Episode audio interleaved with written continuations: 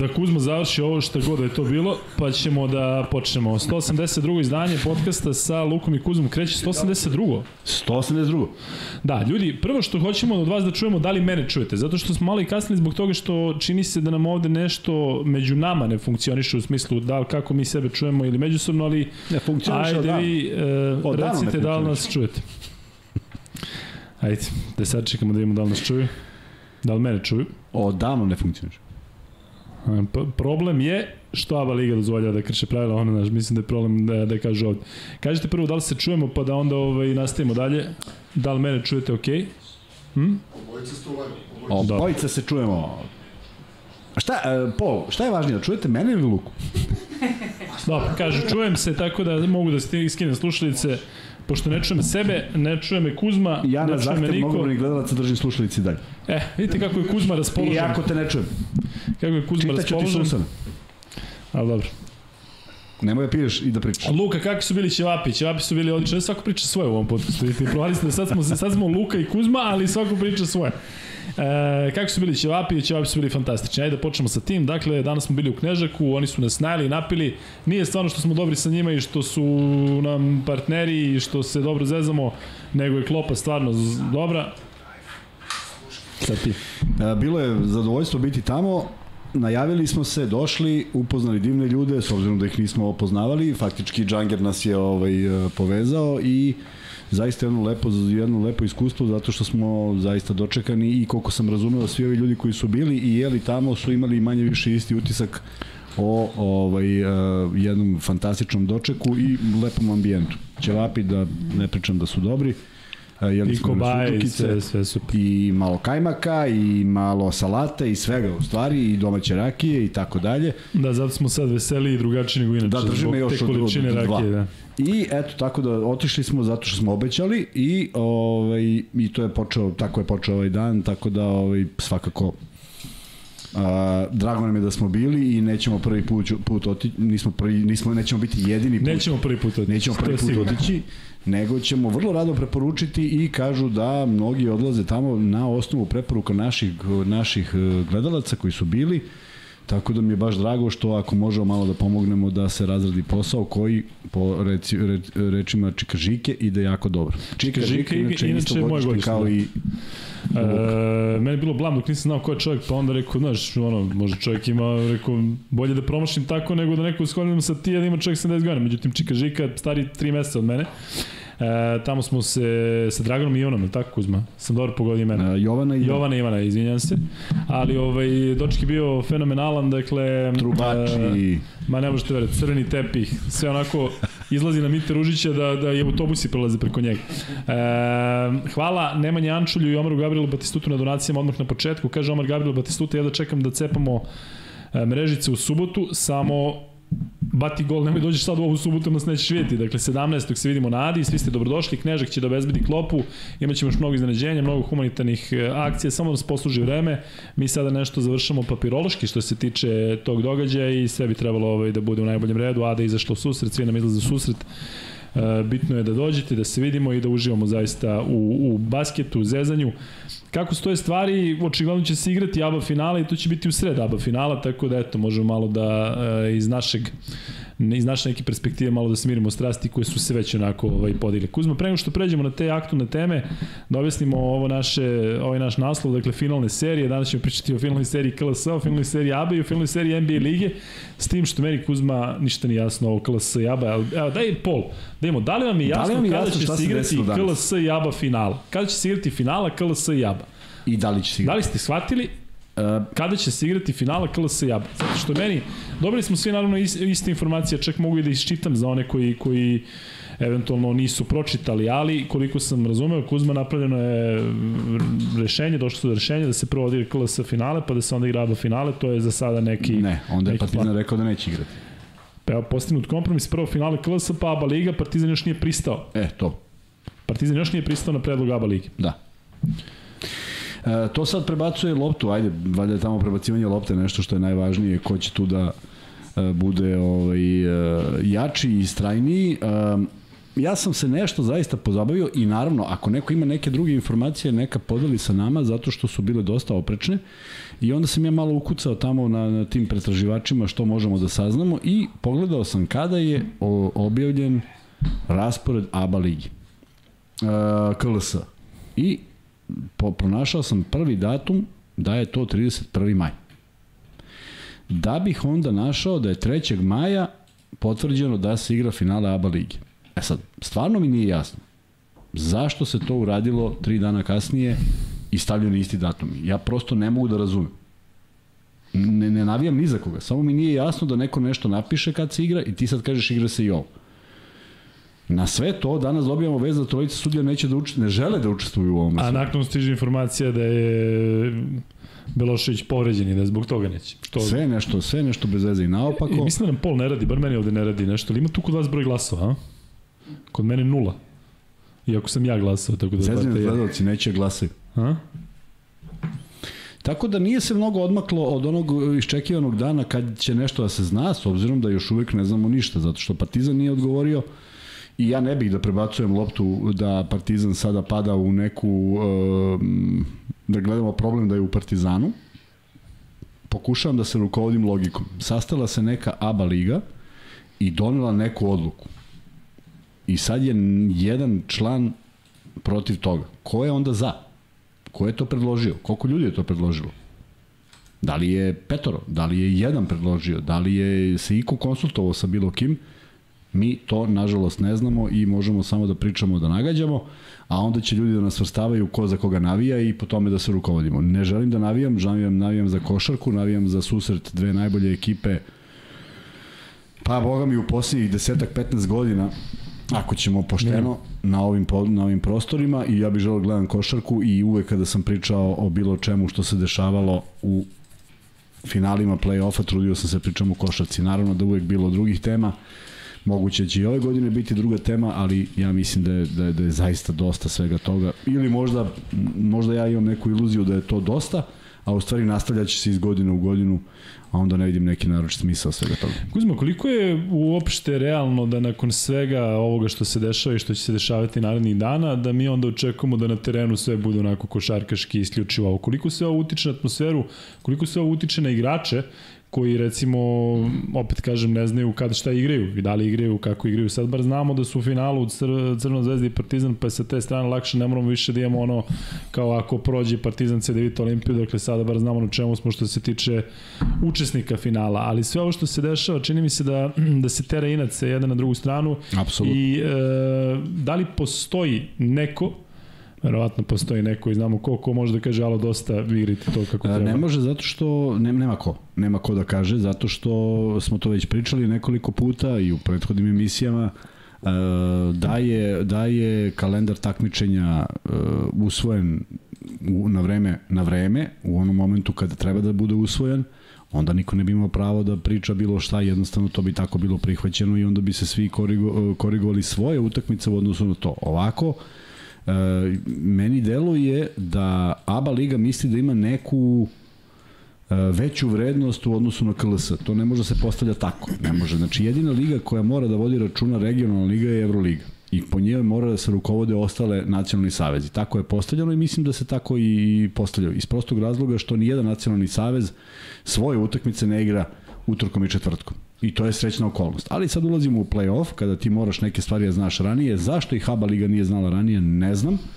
Samo znam da ne mogu nikako da budu u bilo kakvoj prednosti ili neprednosti u odnosu na bilo koju drugu, drugu ligu koja je blagovremeno ili blagovremenije ili malo ranije ili kako god donela neku odluku kada će nešto da se igra. Tako da to pokazuje u kom, u kom smo, u kojoj smo fazi što se košarke tiče i meni je sve ono ostalo, svi uspesi naših reprezentativaca i reprezentacije i 3 na 3 i svega u moru ovih neverovatnih stvari potpuno misterija i mislim da nam to daje privid da, da stvari funkcionišu, a bojim se da će u jednom trenutku naprasno da prestanu da funkcionišu, da ćemo da ostavimo koliko je bolno sve ovo što se radi na nekoj dezorganizaciji pre nego na boljoj organizaciji i KLS i ABA lige i nekom umrežavanju i sve. E, stalno se traži neka, neke, neki ustupci FIBE za prozore, traže se ustupci Evrolige, a ti ne možeš u okviru e, nacionalnog da nađeš normalno rešenje. Tako da E, opet ćemo prebacimo loptu na nekog drugog, taj neko drugi je kriv, mi smo sve uradili, ali nije baš tako, tako da došli smo u fazu da ne pričamo o košarci, nego pričamo da li će sve proći bezbedno. Opet smo u istom onome o čemu smo mislili da nećemo morati da budemo, zato što su jedna i druga ekipa 99% u Euroligi. Pa smo se nadali da će to smanjiti tenziju. A u stvari je tek nastao novi haos. Da. Kuzma, ajde evo kažeš, nadali smo se da će se naći rešenje. Koje je rešenje iz ove sada situacije? Koje je recimo rešenje koje bi tebe zadovoljilo da ti kada uče dođeš na terasu i zapališ lepo i blejiš i da vidiš na telefonu ovaj, da vidiš na telefonu informacije koja je sad iz ove perspektive. Šta bi ti volio više da vidiš, šta je za tebe da kažem neko bitnije, da se ispuštuje ovaj prvobitni termin ili da se pomeri, e, zato što meni se čini, šta god da se desi na kraju, neko će da, da u, u, upre prstom i da kaže, e, da smo ovako, bilo bi ovako. Kogod da pobedi na kraju, mislim da će iskoristiti to i da kaže, evo, da zbog ovog haosa nismo mogli da ovo, no, no. Ja mislim da živimo u vremenu u kojem e, izvini ili moja greška ne postoji. Dakle, nekako mi je bilo normalno, da, mi smo uopšte ne ulazimo u ko. Jedni ili drugi. Da, mi smo napravili grešku, prevideli smo činjenicu da je već zakazano finale ili bilo šta. Da, mi smo pogrešili, sada ćemo učiniti sve da to bude uređeno u drugom momentu. To ne postoji. Ovde se niko ne izvinjava ni za šta, niko nema nikakvu odgovornost, sve prebacuju na jedni na druge i to koriste u nekim svojim agendama i Zvezda i Partizan. Jedni za jedno, drugi za drugo, ali u svakom slučaju zato što ne postoji taj neko koji je donao nekakvu odluku Jer ja ne mogu da zamislim da je ovo odluka jednog čoveka ABA ligi. Sad on uzvo i kaže, e, ok, ajde, pošto smo se zeznuli oko ovoga, ajde sad da stavimo ovo. Ne ide to baš tako, valjda ima neki... A kako ide? Znam pa da se pričao ne, ranije, kako ranije funkcionisalo, ja, sede neki ljudi negde ja pa se nešto da verujem da sede neki, neki ljudi koji kažu, čekaj, pogrešno. Pre, predlog i onda se Tako, nešto. predlog, ko je za i sad neko glasa. Tako mi deluje. Uh, ono što znamo u Euroligi, da tako deluje. Da. Da imaš nekih 11 stanih članova koji donose odluke. Znamo da je Bartomeu izgubio mesto zbog 6-5, ali makar znamo nešto da se desilo zato što ne može da dođe Bartomeu. Bilo bi paradoksalno da Bartomeu dođe i kaže ja odlučujem o tome, a ne konsultuje 11 klubova, jer tako je, e, tako je koncipirana liga. Ja ne znam kako je koncipirana Jadranska liga, zato što je to sve nekako skriveno od svih nas. Upoznao sam neke ljudi u Jadranskoj ligi. Kad sam, tada sam ih upoznao i više nikada nisam čuo... Neću da ih očima vidim. Ne, ne, ne, nikad više nisam čuo ni jednu izjavu nekog od njih ti imaš Miliju Vojnovića koji je eksponiran kao direktor Jadranske lige, ali veruj mi da bi se iznenadio koja su imena iza, jer nisi nikad čuo za taj imen. Ili su, a ko su? Koja je pozadina? Biznismeni? Mislim, mislim da je pre ta varijanta neka posla. Ulagači. Ne, ne, ne košarkaši. Znači, ne neki ljudi koji su ti poznati makar sa terena, nego jednostavno neki ljudi. Neki da. ljudi koji to vode na drugačijim osnovama.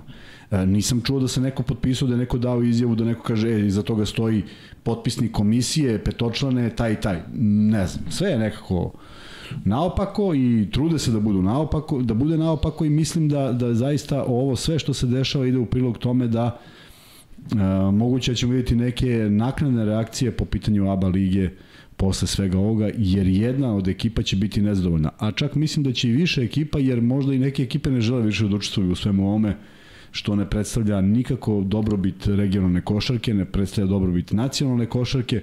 Vidjet ćemo kako će stvari izgledati. E, evo ovde javljaju ljudi da, da je Partizan odbio. Jesi ti imao tu informaciju da Partizan, zato što je posljednje što sam ja vidio da Partizan se nije oglasio, odnosno čeka se ne, Partizan. Ne, vidio sam da je odbio, da ne prihvata, da ne prihvata Zbog karate, je tako? Nemam pojma čega, nisam da. pročitao. E, da, to iskreno da vam kažem pravi problem e, na više nivoa. Evo, mi ćemo sada da budemo potpuno ono lični, pa ćemo da kažemo kakav problem pravi nama. Dakle, u smislu kako sam ja planirao, dakle, ponedeljak namestilo se taman da bude prva utakmica ABA finala, Kuzma i ja u live-u, zamolimo studiju da počnemo ranije, utakmica u 8, dođe malo ranije, odradimo live, posle toga pričamo sa vama.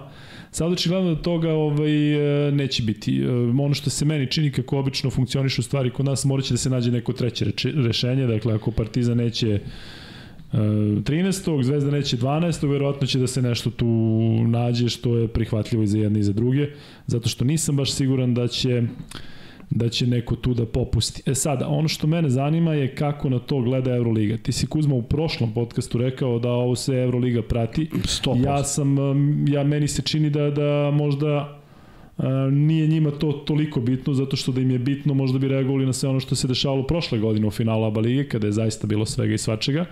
Ali, da li možda treba da postoji neka bojazan ako se nastavi ovo rasuluje, ako se nastavi ova, ova lakrdija ovde u našem dvorištu da Euroliga, da to utiče na Euroligu da Partizan i Zvezda igraju Nemaju s kim da popune. A misliš da imaju da bi bilo drugačije? Ja mislim da bi nas šutnuli vrlo rado. Jer, Oba tima ili jedan. Da nije možda tu neka konkurencija baš ne, zbog toga ne da se zaista. sada utaknu? Ja da sam čovek koji radi u Euroligi, ja bi odavno presekao. Da sam u čoveku u Euroligi. Ja Ali izvini, na... ima problema u svim ligama. Evo ovde Crni Grobar kaže nešto što smo mogli da vidimo svi uče u Turskoj isto gori. Šta u Turskoj se svašta dešava, sa suđenjem, sa savezom, sa između njih. Sa, oni imaju svoje probleme na, na, na, na, na relaciji FS Fenerbahče, kao što imaju Zvezda i Partizan. Nemaju problem sa terminima.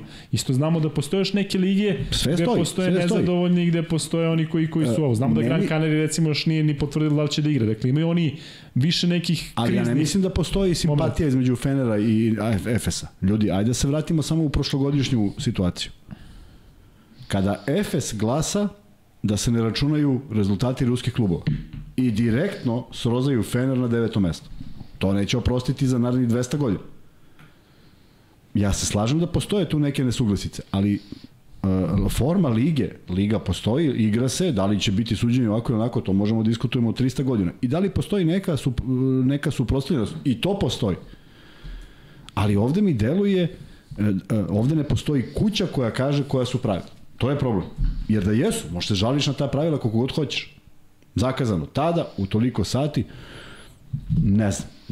Ja, ja rekao sam ti svoj stav, e, strašno mi je krivo što je Partizan napustio KLS, čak i da znam sve razloge, čak i da znam sve razloge.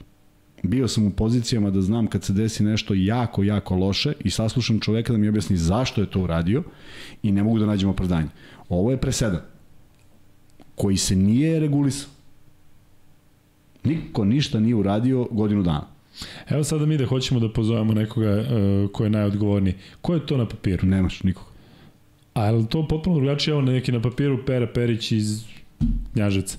Jel zaista to samo papir ili, ili ipak neko Ne bi trebalo da bude papir. Ne bi trebalo, to mora da ima da bude neka liga u kojoj ti imaš u neke čelnike te lige u kojoj imaš poverenje. Da, da li se stvarno oni pitaju ili ipak se neke stvari rade Ko da se pita? A ko ako nisu oni? Šta je teško napraviti kalendar takmičenja? Evo ja pitam, šta je, šta je teško? Znaš kad se završava Euroliga, znaš kad počinje Final Four, uh, playoff, znaš kad počinje Final Four. Ubaci između, samo ubaci između, samo neke između, samo nemoj da se poklapa istog dana. I već si završio posao. Pa se koriguje neka utakmica, pa će neko se složi, neko neće. Imaćeš mogućnost da odlučuješ. Ali ovo se nije znalo. Nije postojao ni jedan datum od momenta kad je završena ABA liga koliko će trajati. Kažem ti, ja bih strašno volao da mi neko objasni zašto su Zvezda i budućnost. Evo, ne uzimam Partizan kao primjer. Zašto su Zvezda i budućnost igrali drugu utakmicu na 7 dana? Da bi se popunio taj, ta praznina. To ti je razlog. To ne može bude, to nije smislen razlog. Znaš kao, e, vidi, sad oni ako odigraju brzo, onda ćemo imati još veću pauzu. Ajde mi da malo rastegnem. Ali ne bi ni stigli u Podgoricu na utakmicu za dva dana. 14 dana, ej, za 14 dana niko ne bi ni znao da se igrala prva utakmica. Jel, shvataš da nemamo osjećaj play-off? Da, definitivno je tako. E, juče je, prekjuče, Cedevita izgubila i izlazi potpuno neverovatan komentar Jadranske lige koja pravi od toga neki spektakl, kaže thank you, kao hvala vam što su, ne znam, dali taj doprinos. Playoff koji traje 10 dana, tri utakmice. Nezabeleženo. Ja ne znam da to postoji. I ti si obesmislio sve to i nastavljaš i dalje nekim koracima koji ne, do, ne dovode do bilo kakvog konsenzusa koji je preko potreban Pričao sam ti o mojoj, teo, mojoj teoriji. Ja smatram da od 10 tačaka dva najveća kluba moraju da imaju pet zajedničkih. U pet se raziđite, ali pet moraju da budu zajedničkih. Pa znači nekako ipak do Partizana i Zvezda. Nije samo do KLS. Pa vidi, dakle, Zvezda da je, tumači na svoj način, Partizan tumači na svoj ali način. Ali da je KLS sada, dakle, da je ABA rekla na početku sezone, igraju se uh, finalna serija se igra od tad do tad. Gotovo, Jel... gotovo. Za je zapisano. Ne možeš da žališ ništa. Ne možeš ništa da promeniš. Ništa. A misliš da bi onda Partizan i Zvezda u ovoj sada situaciji Nemaš izbor, ne, možeš da ne igraš. Hvala, možeš ti da ne igraš, ali, si, ali to si Znaš znao prvog dana. Tako, tako da. je. Ne igraš, doviđenja. Nema problema. A vidiš da ovde niko nema snagu da kaže, ej, ne igraš doviđenja jer znaju da su pogrešili. Znaju da ovo nije ispravan put. Dobro, ali oni su pokazali da kažem neku dobru volju zašto je zaista izašla, izašle su neke izjave gde su rekli ajde stvarno da nađemo rešenje. Raspoloženi smo i spremni smo Ko? da čujemo iz, iz ABE. Dobro. Radimo na tome da stvarno rešimo ovo. Dakle, oni, oni verujem da je postoji dobra volja. Da. Da, I što recimo mi, je, da se što mi je to- možda draže nego Euroliga koja Okej. se pravi toša za neke svoje Slažem stvari koje ne I evo recimo da je to bilo danas. I našli su kompromis. I sad Partizan neće. Jer ima pravo da tumači. I Pa, Zvezda ima da pravo nisu da... našli kompromisa koje nije Partizan rekao na tom sastanku hoće, pa su onda dva sata kasnije rekli da neće. Ja mislim da, da nije ne znam, tako napravljeno. Vidi, ne mogu da zamislim sastanak, ali ne može sastanak da bude direktor Zvezda i Partizan. To se nikad neće dogovoriti. A, i, a i ako je prosta većina, onda će se dogovoriti, jer ćeš morati da prihvatiš nečiju odluku. Ne možeš ti da neku odluku sad ne prihvatiš. Partizan ima potpuno normalan šlagvor da kaže, ej, mi smo bili za ono, a sad više nismo za ovo. A Zvezda kaže, mi nismo bili za ono, ali sad smo za ovo. Zato što ti si dozvolio da svako se ponaša kako želi. Bez konkretnih ni sankcija, ni konkretnih odluka, ni nečega iza, št- iz, iza čega stojiš. Ti služ, mi slušamo godinama o tome čemu služi Jadranska liga od hrvatskih i slovenačkih klubova. Mahom hrvatskih. I se nešto promeni? Ništa. Jesu Dobro, svi zato što oni isti? nemaju takve utice, niti su, da kažem, bitan faktor tamo, zato što E, ali, ali, rezultatski, ali, ali, po ali mora, mora, mora što mi objasni. Mora neko da mi objasni to. Ti, ja, koliko ima hrvatskih klubova? Zadar, Cibona, tri. Nas trojica sedimo tamo i kažemo, mi smo protiv. I nađeš još dva slovenačka i Liga je u problemu, tako? Kako, kako glasaš za? Kako prihvatiš to? Ko te tera da budeš tu? Dobro, ali šta evo, recimo da su zaista oni ne, za nešto protiv, a devet je za. Ali oni su svake, pred svaku sezonu su za nešto protiv. Nema, zaboraviš da je prošle godine izašla ideja da učestvuju Alpe, Adria, nešto, Slovačka, Češka. Azerbejdžansko, slovačko. Nemoj, nemoj zaboraviti. Pa je, pa je poslato klubovima, pa su klubovi ipak odlučili. Znači, ako si odlučio, ako si se odlučio za nešto, moraš da poštuješ ta pravila. A pravila mora donese nek, neko telo koje nije jedan čovek i nisu najjači klubovi. Ne može da odlučuje o svemu Zvezda i Partizan šta će kad će da igraju Zadar i Cibon. Ali mi deluje da je Slovenija uspela da sprovede play-off, da je Hrvatska uspela da sprovede play-off, svi Da, ali na da račun sprovedu. Cedevita Olimpije, Cedevita Olimpija mislim da se igra sutra već. Oni su izgubili sada i vratili se tamo, je li to dobar način Ma nema veze da... Koga, za koga je dobar? za Cedevita Olimpiju? Nije. Ali su to pravila. Pa dobro, ali Cedevita Olimpija očigledno nema toliko težinu kao Zvezda i Partizan, zašto i mogu Nema da kažu... tu, e, se- ne, ne, tu čim dođemo do ko ima težinu, onda smo u problemu. Da, ali evo Helios je tamo 1-1 i Helios sada ima priliku da povede 2-1, mislim da je utakmica i, šta, sutra. I šta će se desiti? Šta će se desiti posle utakmice i sve? Ništa. Cedevita Jel, jel neće Cedevita igra Aba ligu? Igra, naravno. Pa šta se dešava? Šta, šta misliš da se dešava trenutno u Albi i u, i u, i u Berlinu? Ne deša se ništa, su U, raspustili. U Bayernu. Raspustili, otišli kući. raspustili, pa. Jel igraju Euroligu? Ma igraju.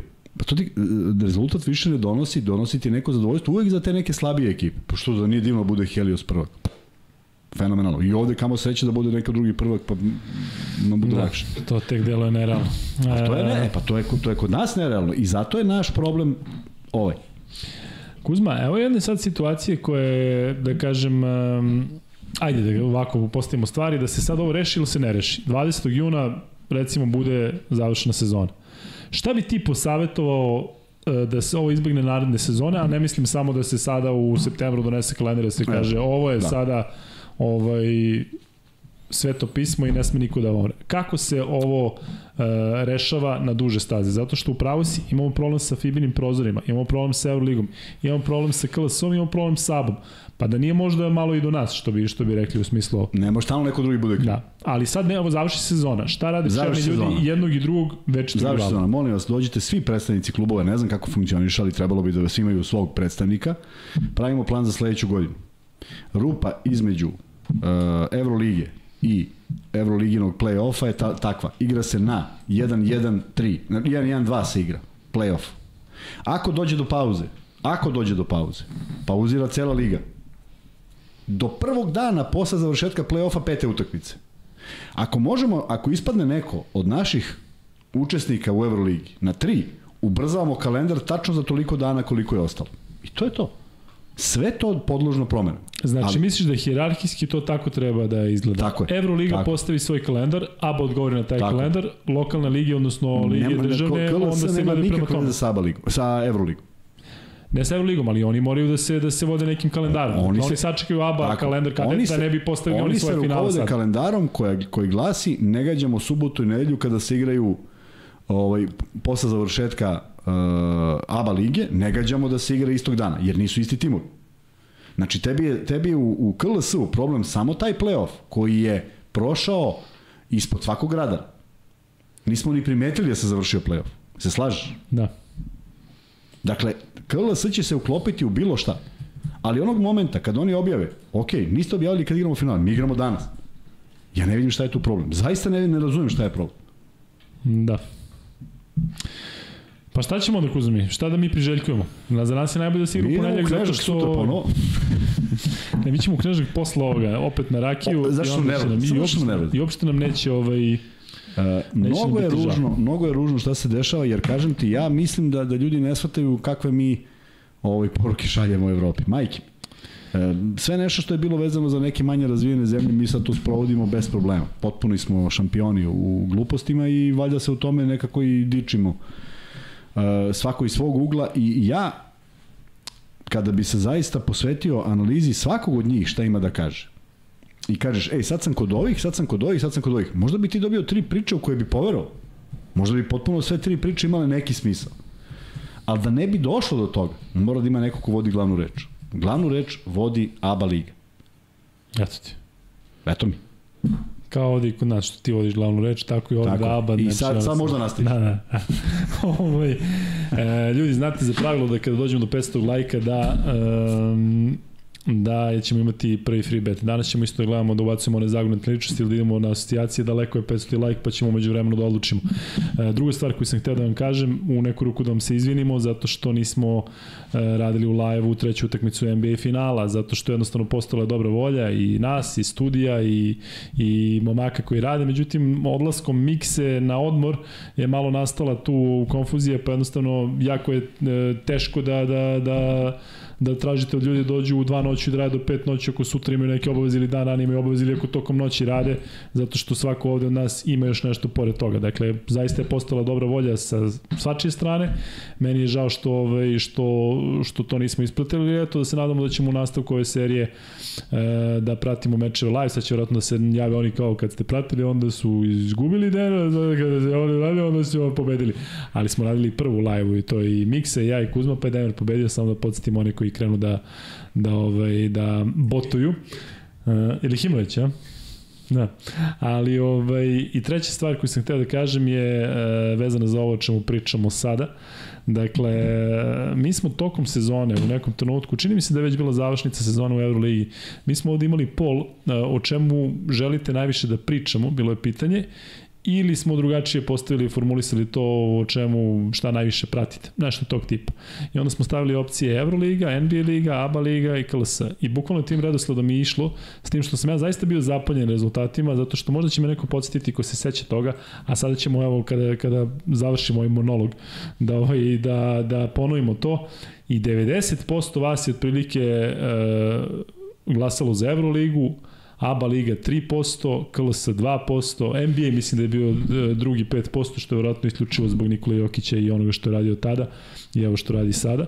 Tako da, e, ajde da budemo realni, Kuzma, ipak je Euroliga u svakom pogledu e, nešto što čemu smo svi okrenuti i što svi radimo.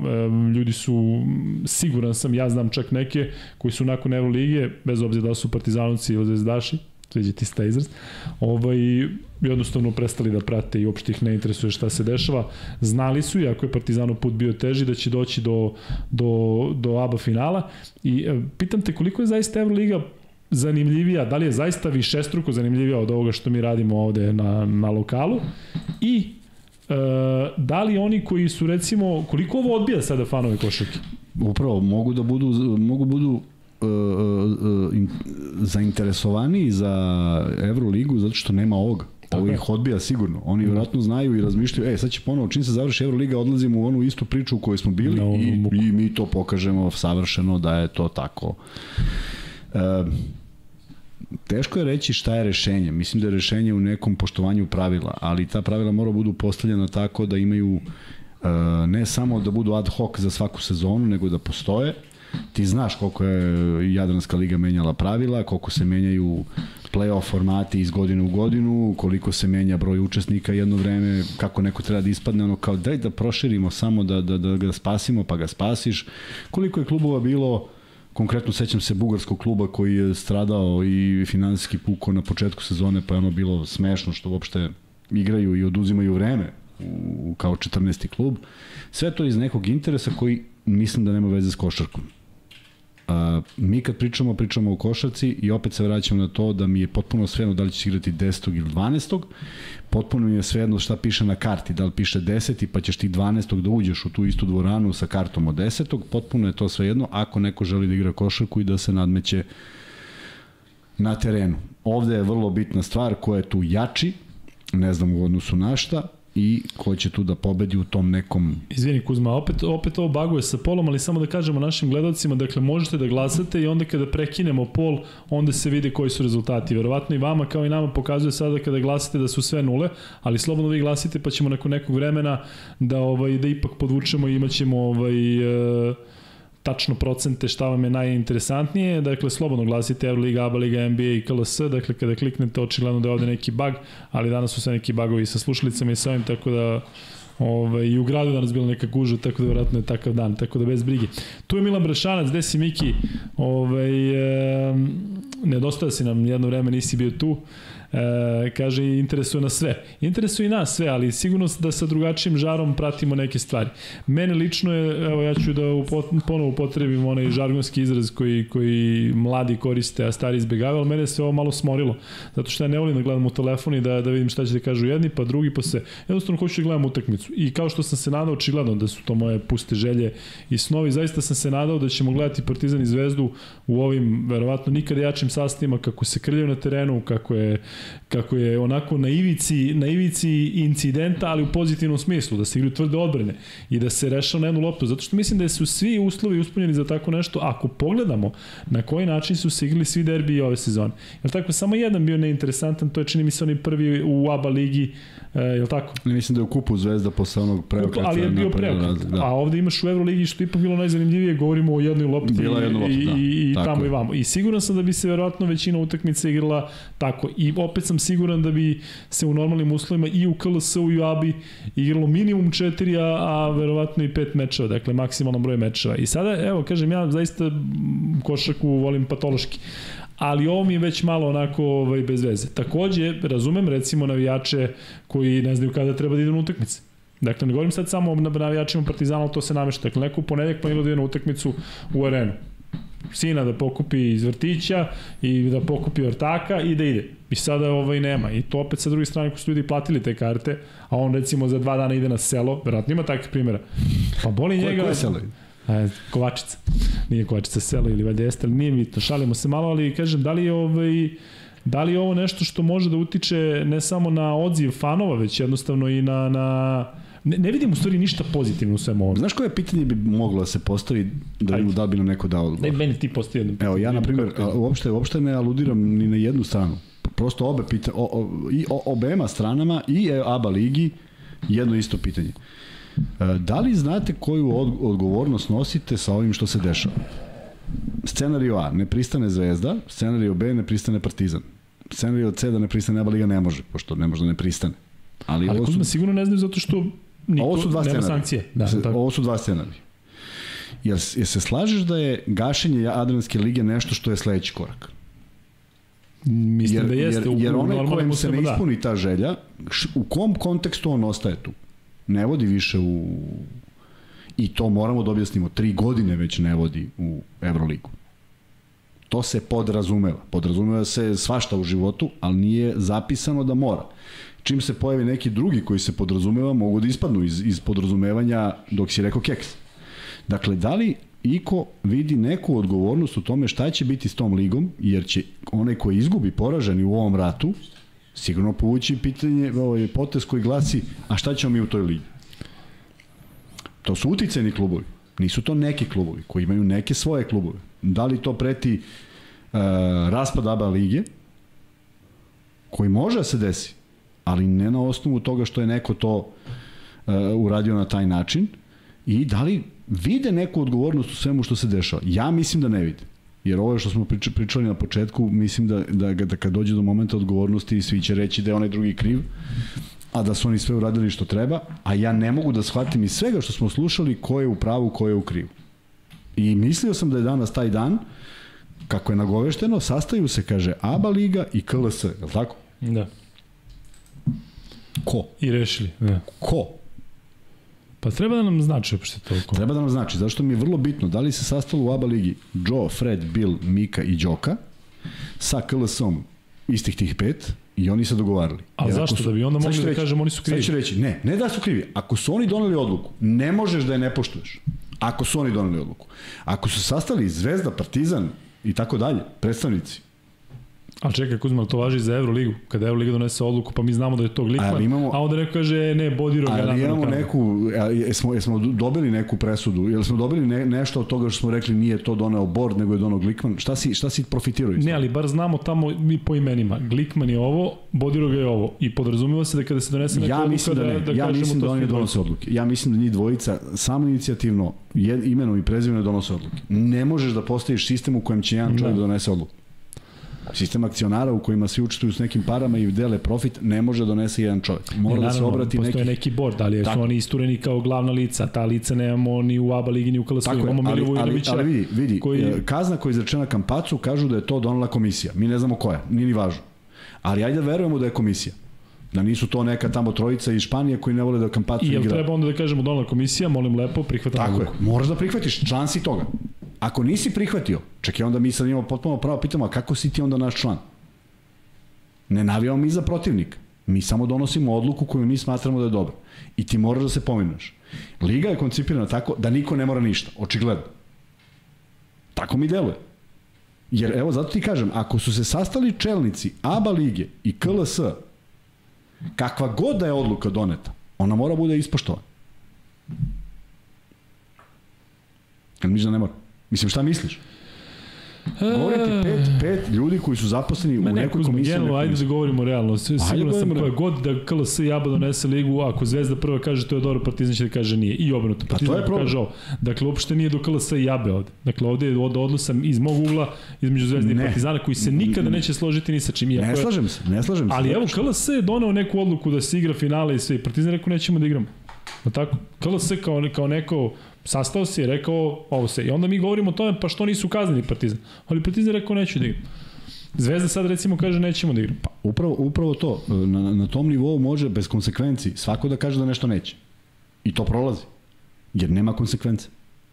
Pa da, dolazimo do toga da, da nema. Tako. Dolazimo od toga da ABA liga nema nikakav mehanizam da nekome kažem, ne da moraš, nego da, se, da poštuje neku odluku. A šta bi se desilo da ABA Liga u sutra ujutru izađe sa saopštenjem i kaže mi smo doneli našu odluku, ko to ne ispuštuje, naredne godine Ajmo, neće ajmo sad da malo maštamo. Mi smo doneli odluku da Zvezda više nije član Jadranske lige. Dobro, to je korak u napred, ali ajde prvo da rešimo ovo. Ako ko neće, ne Zvezda. Evo, neću da kažem Partizan da ne bude navijam, nego kažem Zvezda nije tela da igra ovo, ovo što je zakazano, a ABA izlazi i kaže nećemo korigovati datum, Crvena zvezda je istučena iz Jadranske lige. Ne može se bori uopšte za šampionat. To moguće? Pa ne znam. Je li moguće? Ne znam, zaista ne znam. Mislim da je Je previše. li moguće da kažu tako- Partizan nije? Je li mogu da kažu bilo šta? Mogu da kažu, vjerojatno, borac MZT, znaš, ono kao, u, sad ćemo im pokažemo jednu ozbiljnu snagu tamo da negde onog 14. isečemo, kao što se inače radi, ali ovde nemaš tu snagu. Jer neke stvari očigledno nisu, nisu stavljene. Ja mislim da, da, da, ja ne znam šta čak piše u pravilniku. Ja bih voleo da znam šta piše u pravilniku Jadranske ligi. Da kažem samo jednom i drugom Milanu da smo već rekli, samo ne pratite, da Partizan, konstatovali smo da je Partizan odbio da, ne, da, da prihvati, dakle, neće da igra uh, utorak, neće da pomera, tako da um, mislim da to da je to u neku ruku E, možda i očekivano zato što jednostavno Partizan e, da se nije oglasio i da je samo ostalo tako pitanje je kakva bi bila situacija. E, ne znam Kuzma iz ovog luga iz ovog ugla sada e, da se igra recimo po ovome što je Euroliga, što je ABA liga rekla, što se KLS dogovorili da se prvo odigra KLS finale, pa onda ABA liga. To ne bi trebalo da odgovara Zvezdi, tako? U smislu trebalo bi da igraju prvo dve, ovi, dve ili tri utakmice ovo i onda verovatno Tu mi ništa nije jasno. Zašto bi... Ne znam, ništa meni nije nije jasno kako Zvezda forsira 12. a da te pre toga odigra. Nemam ideju. Ne mogu da razumem.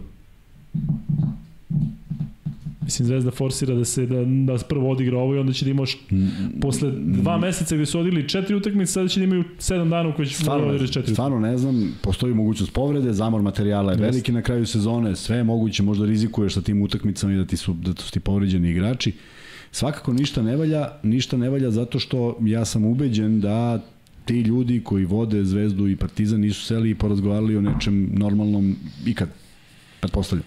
Da. O bilo kakvom dogovoru, bilo čega. Jedina dobra stvar koja je ispala iz svega toga je što su se svi rastavili na raspolaganje Pešiću, koliko god je to bilo moguće, tako Jeste, mi deluje. bar su se tu složili mi smo I, ih to je, pohvalili. ako je tako? to, onda je kao, uf, su, Da. super. Znači, može. Tako da, e sad, uh, budućnost taba lige zavisi od ovoga. Zaista mislim da zavisi jer uh, uh, ovo što si malo, ne, ne da li zavisi da li će ona postojati, nego zavisi od toga da li ćemo i ja i ti, ti i ja da gledamo tu, tu ligu, kada znamo da nas na kraju svake sezone čeka ovo. Ili ćemo reći, aj gledamo kvalitetnu košarku u Euroligi i kad se završi prosto interesovanje ne padne, nego, nego ne postoji i negde, znaš, ono, do tada si pratio kao 15. jun i ti kao, u vidi prvak Srbije je, i prvak Jadranske lige. Jel to ideja? Ovim što rade, se to stvara. Uh, veliki broj zvezdinih navijača, veliki broj partizanovih navijača, veliki broj navijača iz regiona. Želi gleda košarku. Smo Nisu prvi. svi došli tamo samo da, da povedu nekoga, nego su došli gledaju košarku. Pa misliš da je to većina? Ozbiljna većina. Pa, Da ima onih recimo 10, 15 ili 20% koji su u fazonu Vidi, mislim- nećemo da popustimo, e neka Mislim ima da je sve. to manjina u halama, ali je većina u društvu, Da, da. što je velika razlika. Ali se stiče pogrešan utisak kada u hali vidiš kakva je tako situacija. Tako je. I jedna i druga i treća i četvrta i peta, potpuno Mi smo danas pričali sa Čika Žikom, tako hoćemo da gledamo košarku, da je pustite nas da gledamo košarku. Pusti tome da smo gledam, govorili. bre, ko je bolji, bre, gledamo i ove igrače, ko da šta ćemo gledamo sledeće godine. Ne, ne znamo. Mi se nadamo, ali ne znamo. Mi čak ne znamo. Opet se nadamo da li Zvezda i Partizan učestvuju. A kad ideš logikom kao, ma nema ko, znaš on kao, nema ko može, pa ne možeš da radiš šta god hoćeš. A misliš da bi bilo drugačije da zaista postoji to pravilo ne nepisano, nego crno na belo. Prva kabala igre igra Euroligu. Jel misliš da bi onda da bi onda da bi klubovi drugačije reagovali na ovo zato Pa što ovde opet, ne, sada opet, opet, mi opet je ne greška. Ne, ne, opet je greška u samoj ligi koja donosi pogrešne datume. Opet je greška. Opet će neko doći i reći, bez obzira što mi to sad Da, da, zavisi. ali da li bi Zvezda i Partizan ozbiljnije shvatili situaciju, brate, daj da dobijemo ovo zato što nam to Uh, dođe da, put. Ovako da, se sada da, čeka da. neka Euroliga i dobili su neke signale da će se igrati. sastanak kao 14. kao dobro. Kao što ti kažeš, ne, Euroliga nema alternativu. Može on to da uzme da smanji je, broj klubova, što je, Tako je. nerealno... Kamo sreće, kamo sreće, jer ne bismo ni pričali možda o ome da je Euroliga već konstatovala 20, 18 timova za sledeću sezonu. Nego nije. Jeste, da.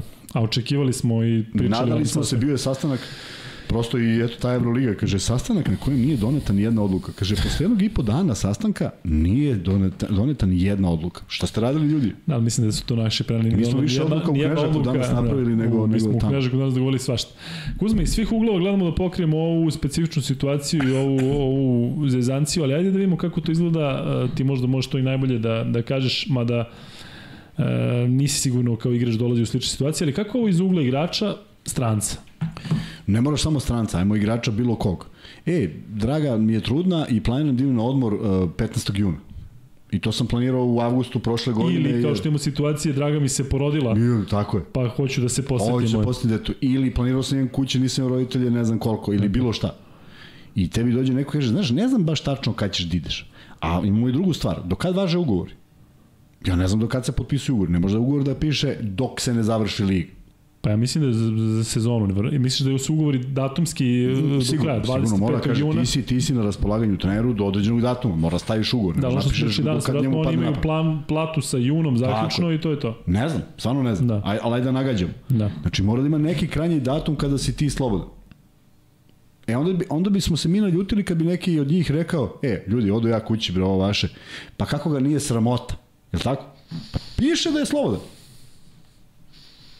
Jer Da. da. ovo prevazilazi sve granice. Mi smo se sprdali pre 10 dana kad sam rekao da će da se završi play-off ABA, uh, NBA, a nećemo početi, delo je prilično blizu. A nisi mi kad sam rekao ima da, kraja do, do, da traje do kraja juna, a u stvari Ti, ti si rekao da kraja Ne. juna, meni je posle bilo, ali teo sam da konstatujemo, mislim, zajedno smo konstatovali da, da, da je neverovatno šta se dešava. I taj broj utakmica i to sve, ceo juni za pet utakmica. Nemam reči. Malo si se razljutio, čini mi se da su to Potpuno ono, sam besan. ali prema kome je uprem bes? Ko te onako nervira, sad bi nekoga onako zabav iz... Mm, Nije ništa, vidi, nemam, Mislim, nemam, nemam, ali stvarno ovo o čemu pričamo, ko, gde je? ide u, znaš, govorimo sad opšte, Zvezda i Partizan bi trebalo da se slože, ali e, nekako čini mi se da je ABA onako najbolja adresa gde možemo da, da neko nezadovoljstvo... ABA jeste adresa, ali Da. ABA nije adresa od prekjuče, nego je ABA adresa već godinama. Da. I kažem, upoznajem te neke ljude i tu svi pričaju o nekom vrhunskom poslu i to sve. Ne mogu da kažem, ti kad otvaraš one Instagrame i ono sve e, što se tiče praćenja lige, Da, uvek, da, uvek le, klipova odmah posle utakmice i čak i za vreme utakmice izađe neki klip, neko zakucavanje, sve to podignut na, na, na visok nivo. Ali nije to srž. Kuzma, igra si u ratnim uslovima ovde i sve. Je li bilo Ovo je- takvih to su- problema? To bilo malo dete.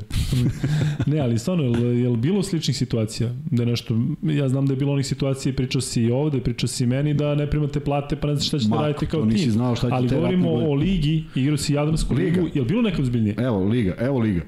Dolazi moment i kaže predlog klubova koji su naravno željni da pro, profitiraju iz toga, ne zato što ima logike.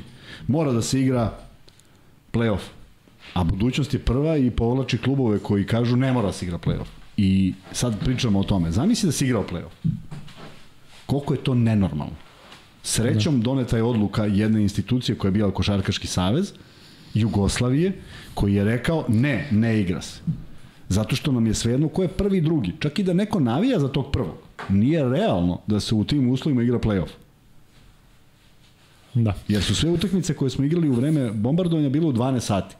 Ne može ni da namestiš da neko stigne da odigra utakmicu. Tako da... Jel te zanimaju Kuzma ovi rezultati, šta vas najviše interesuje? Malo je sada slabija Euroliga u odnosu na na ono tokom sezone, zato što smo bili u sred sezone, ali 66% Euroliga, 16% NBA Liga, ABA Liga, 11% i KLS 5%, Pa da, da, ti iznenađuje to? Ne iznenađujem. Da. Ne iznenađujem zato što sam sreo mnogo ljudi koji kaže, e, znaš, baš me briga šta će se desiti. Što je katastrofa. To su sve ljudi koji vole košarku. Nije to neki baja koji voli Ti motosport. nisi među tim ljudima, tako? Ja sam zato i nerviran. Ja, ja, meni, meni kad bi ukinuo sve to, da. meni bilo super. Ajde malo da se igramo i zaista nemam nameru da bilo koga provociramo ili sve, ali znate da često imamo onu situaciju da pitamo za koga navijate. Ajde sad da pitamo šta mislite ko je kriv za ovu situaciju. I onda ćemo da stavimo KLS, u stvari nemoj stavimo KLS prvi, da stavimo ABA, KLS, Zvezda, Partizan. I još jedno da vam kažem, dakle, to što vam, Srki, možda može da, da pomogneš da vidiš, ovde nam na polo pokazuje da kada kliknemo, pokazuje nam da je nula glasova, ali na kraju obradi sve podatke. Vidiš, recimo, ovaj, e, kada je kada je pol i sad kliknemo i on piše sve vreme nula glasova, ali kada ga zatvorimo, on ovaj uradi. Ali ajde da kažemo ovako, da definitivno se e, glasanje računa, dakle glasovi su uračunati, tako da jako vam deluje tako kao i meni ovde, da je na nuli nije. 250 lajkova, dakle na pola smo do prvog max bet free beta u svakom slučaju ono što je takođe aktualna tema a hoćemo da čujemo i vaše mišljenje nemojte se ljutiti što ne stižemo da pročitamo sve komentare vidite da, da, da ima dosta ljudi i vidim da su onako prilično uh, svi nervozni ali potpuno ovaj, opravdano. Um, ali moje pitanje je vezano Kuzma sledeće za ovo što su što se desilo sa sudijama.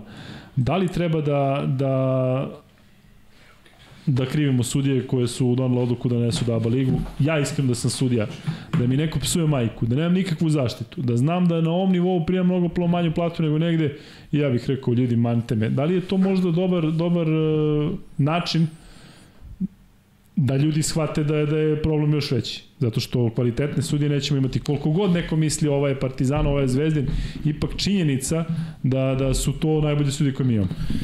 Nećemo da govorimo o imenima, ali znate svi ko je odbio da, da sudi. A, ajmo, ajmo da, da, da zamislimo drugačije. Da bi pre, sprečio svaku uh, mogućnost spekulacije i ko je za koga, ja bih, da sam se ja pitao u, Euroligi, u ABA ligi bilo šta, uvek bi mi utakmice sudili sudije koje nisu iz, to, iz te zemlje. Znači, bilo koju najvažniju utakmicu... Javor je onda rešena situacija. Javor dođe, sudi i Tako svi zadovoljni, ja? Tako je. Znači, Srbi slude u Sloveniji i Hrvatskoj, ovi sude ovamo i sve to tako iskombinuješ. Činjenica da, da, da sve što se dešavalo prethodnih godina, dobro pitanje, da li bi ja voleo da čitam o sebi u novinama kakav sam i šta sam i za koga radim i šta se, pa ne bih.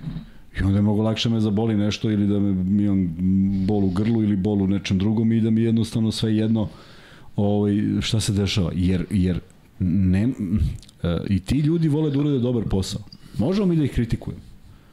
Mogu da budu i mogu da se dešavaju greške, može Naravno. svašta da bude, ali oni su sastavni deo igre i kad imaš jedan start finalne serije u kojem ti trojica kažu nemoj da se uopšte zovete, mm, meni bi poslalo neku poruku da nešto moram da promenim. A ne znam da li svi takvu poruku vide. I sad zamisli i to. Ni iz jedne zemlje nismo dobili u košarci sličan, sličnu poruku. Se slažeš? U Turskoj, jer su sudije na manje na, meti kritika posle masakra nad Fenerom. Nisu. Je se oglasio nekom? Ne znam, juče jesi. Mislim da se slaže sa tim da je juče bilo skandalozno suđenje. Da. Ali ajde ovako, uh, da li misliš da sada uh, postoji neki, što se kaže ono, crni fond? To je dobar izraz najbolji u ovoj situaciji. I sada platimo Jerezuela, Anu Panter i Šemeša. Kažem, troje sudija iz Euroligi. Jel misliš da bi to rešilo išta? Ili bi ovi rekli, aha, evo, jedni Koji drugi, koji imaju ono, pa vidi, ovi imaju sa željkom, oni ovako platio ih ovaj. Pre što bi dunuli, pa došli da nas kradu. I jedni i drugi. Je tako? Pa da. I bukvalno da sad staviš. Ma da, ma ne. Nemačka, Italija, koje god Lamoniku, aktiviramo Lamoniku. Koje god ime izmisliš i kažeš, taj je došao da krade baš ovog. A NBA sudije kad bi doveli... Koji I oni kradu, zato što ovaj, znaš, ovaj ne voli Jokića. Namerno Amerikanac. Ovaj ne voli Jokića i on da, da. tri put mu je svirao tehničku i sad će on da krade i sad u jednu kaže... Bombardovali na sve, ovo, tako. Pa, jako, je, jako je teško jer nemaš poverenja u institucije, nemaš poverenja u tu sudijsku organizaciju. Na, na, na moju veliku žalost uvereni smo u neke stvari koje su dešavale da nisu ovaj uh, bile bile logične. Imaš mnogo sudija koji odrade dobar posao, to kod nas, kao i sve u životu, ne prolazi. Jesi čuo nekad, na primjer, da je neki klub rekao kako misli da je taj sudija odradio dobar posao? Ne. Ali ćeš uvijek da čuješ ko nije odradio dobar posao. Znači, prosto ne postoji sudija koji je svirao dobro. To je nemoguće. Da, ali onda će bi u toj situaciji ispalo da favorizuješ nekoga i da je on zaštićen i da sve. Ali, ali ovo je, čekaj, ovo je dozvoljeno. Pa da, ali kada kažemo mi prvi sudije kada su neprimetne, to je najbolje, znači najbolje ostanu neprimetne i da ih niko okay, ne konstatuje. Okay. Tako, izjaviš, onda ti izjaviš, i kažeš ovo je... Izjaviš, baš zato što je bio neprimetan, Đoka je pokazao svoj kvalitet. I on je na crnoj listi momentalno od ovih. Yes. Super. Đoka je, Đoka uvijek na, na crnoj listi. Đoka je na crnoj listi kako bilo. Ali mislim da, da, da sudije mogu da nagrade tako zato što im zaista daju onda da, da sude finale Euroligi. Seća se da i e, nismo verovatno ni to pratili ovde zato što Partizana, Zvezda, Šanije nisu stigli do Final Four, ali kada su sudije određene za Final Four, opet je bilo, pa čekaj kako ona, pa kako ovaj, pa kako one. Nije lako Kuzma biti sudija. Znaš, ovaj, znam da poznaš što je neki sudija i znam ja, isto. Moram, ja se uvijek zapitam kako neko to izabere znajući da mora da prođe kroz sve one beton ligi, kroz druge srpske, kroz prve srpske i kroz sva ona ludila.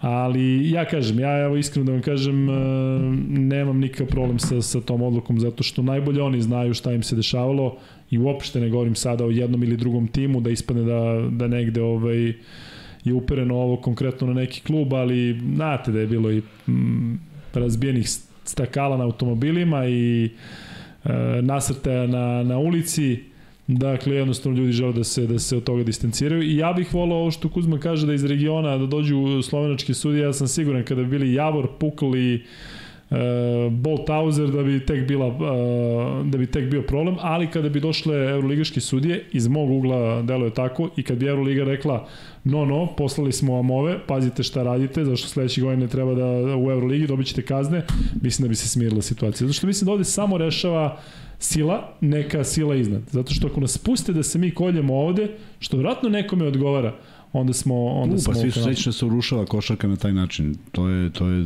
zabavlja se Evropa. Ali znaš na američki filmovi kada biraju porotnike? Dobro. Pa ovi kao ovaj ne može, znaš, pa oni tačno, e, tako bi, tako je bilo. Mogu bi da 100 sudija mm. i na kraju bi eliminisali svi 100, jer niko ne odgovara iz nekog razloga. E, ne znam, pričamo o isuviše o nečemu o čemu sam se stvarno nadao da neće morati da pričamo u godini kad imamo dva fenomenalna kluba sa najvećim brojem pobeda zajedno od svih, ne zajedno zato što su, prvi put su zajedno uopšte, ali imaju najveći broj pobeda u odnosu na, svi, u odnosu na sve zemlje koje imaju dva kluba. Pa zar nije to nešto o čemu treba da se priča? Ne. Ko će 16. digra kod 19. ko je kad zakazao, a zaista krivim jednu organizaciju koja mi nikad nije ulivala poverenje I mnogo se ljudi promenilo kroz tu mm, ligu i mnogo je bilo nekih stvari. Znaš, u ono vreme kad je Jadranska liga počela tih prvih nekoliko godina, slušao sam intervju glavnog čoveka tada, koji kaže izuzetno je zadovoljan ovom sezonom jer je liga na nuli. Zamisli ti u nekom ozbiljnom svetu gde se svi trude da budu u nekom profitu ti si srećan što si na nuli, a ti si na nuli zato što je si pokrio sve što treba i nema nema našo nema nema poreza na kraju. A sve se da je to bilo zato što je prethodna sezona bilo veliko minus, pa on rekao je sad e, smo nuli pa smo dobili. Jeste, važi. Pa daj neki plus, daj nešto da imamo šta smo dobili, da imamo šta smo zaradili, da, koliko klubu i dele. 4 da dinara, 4 dinara podeli. Ne, ne, kao super je, nula, fantastično. E vidiš, sad ću ti ja reći nešto. Ajde, Kuzma, ti se sa mnom ja nećeš, složi, nećeš se složiti. Od knežaka ne govoriš ništa. Nećeš se složiti ništa. Dakle, ja, startu, ja sam takav. Možemo mi da ovde govorimo kako se dešava sve nama i kako smo mi krivi i sigurno da, da, velikim delom i jesmo. Međutim, kao što znate, i Liga ima svoje ozbiljne probleme. Dakle, ja kada sam nešto sa njima sarađivao, zaista sam video kako su Španci nadobudni u onoj e, eri Bartomeua. Video sam nešto što, što me dovelo iskreno do faze da nekoga ozbiljno fizički nabodem od onih španaca što su došli ovde da se lože, zašto su bili toliko bezobrazni prema nama koji smo bili, koji smo svi u tom trenutku bili ravnopravni organizaciji, toliko su se bečili, toliko su se sili, toliko su bili e, sarkastični, cinični, neprofesionalni i u kontinuitetu da su bukvalno hteli nama da daju do znanja da ovaj da misle da smo mi za njih. Čak i neko ko je tu bio, kaže, pa šta se iznenađuješ, kaže, oni već godinama za nas misle da smo cigani i da su oni bogovi i da, da se tako ponašaju. Dakle, Euroliga sa tih 6-5 znamo da ima svoje probleme.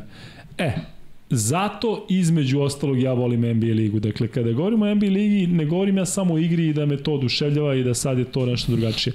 Ali Kuzma, NBA liga je potpuno profesionalna i oni su imali jedan, ajde da kažem, eksperiment kada su malo uključili politiku u bablu, kada je bilo ono i sa adresovima, kada su bile poslate neke političke poruke i svakakve druge poruke, do duše tada se zaista dešavalo svašta i velika je bila nervoza i to je uticalo na rating, uticalo je dakle na negativno na samu ligu i onda su oni rekli nikad više, dakle sad za, zabranjujemo sve to što smo ovaj, radili, okrećemo se samo košaci. Ti u NBA ligi imaš apsolutno odgovor na sve. Non stop meni, jedina aplikacija koju ja imam je ovaj Bleacher Report, meni tu izlazi sve što mi je potrebno. Dakle, sad pre nekoliko dana je izašla informacija, Adam Silver se oglasio i rekao, pošto je bilo pitanje kada će se oni oglasiti za, za Ja Morant i kako će biti kazna, on je rekao nećemo sada da remetimo ovo, dakle Ja Morant, njegov slučaj će biti rešen kada bude završeno NBA final.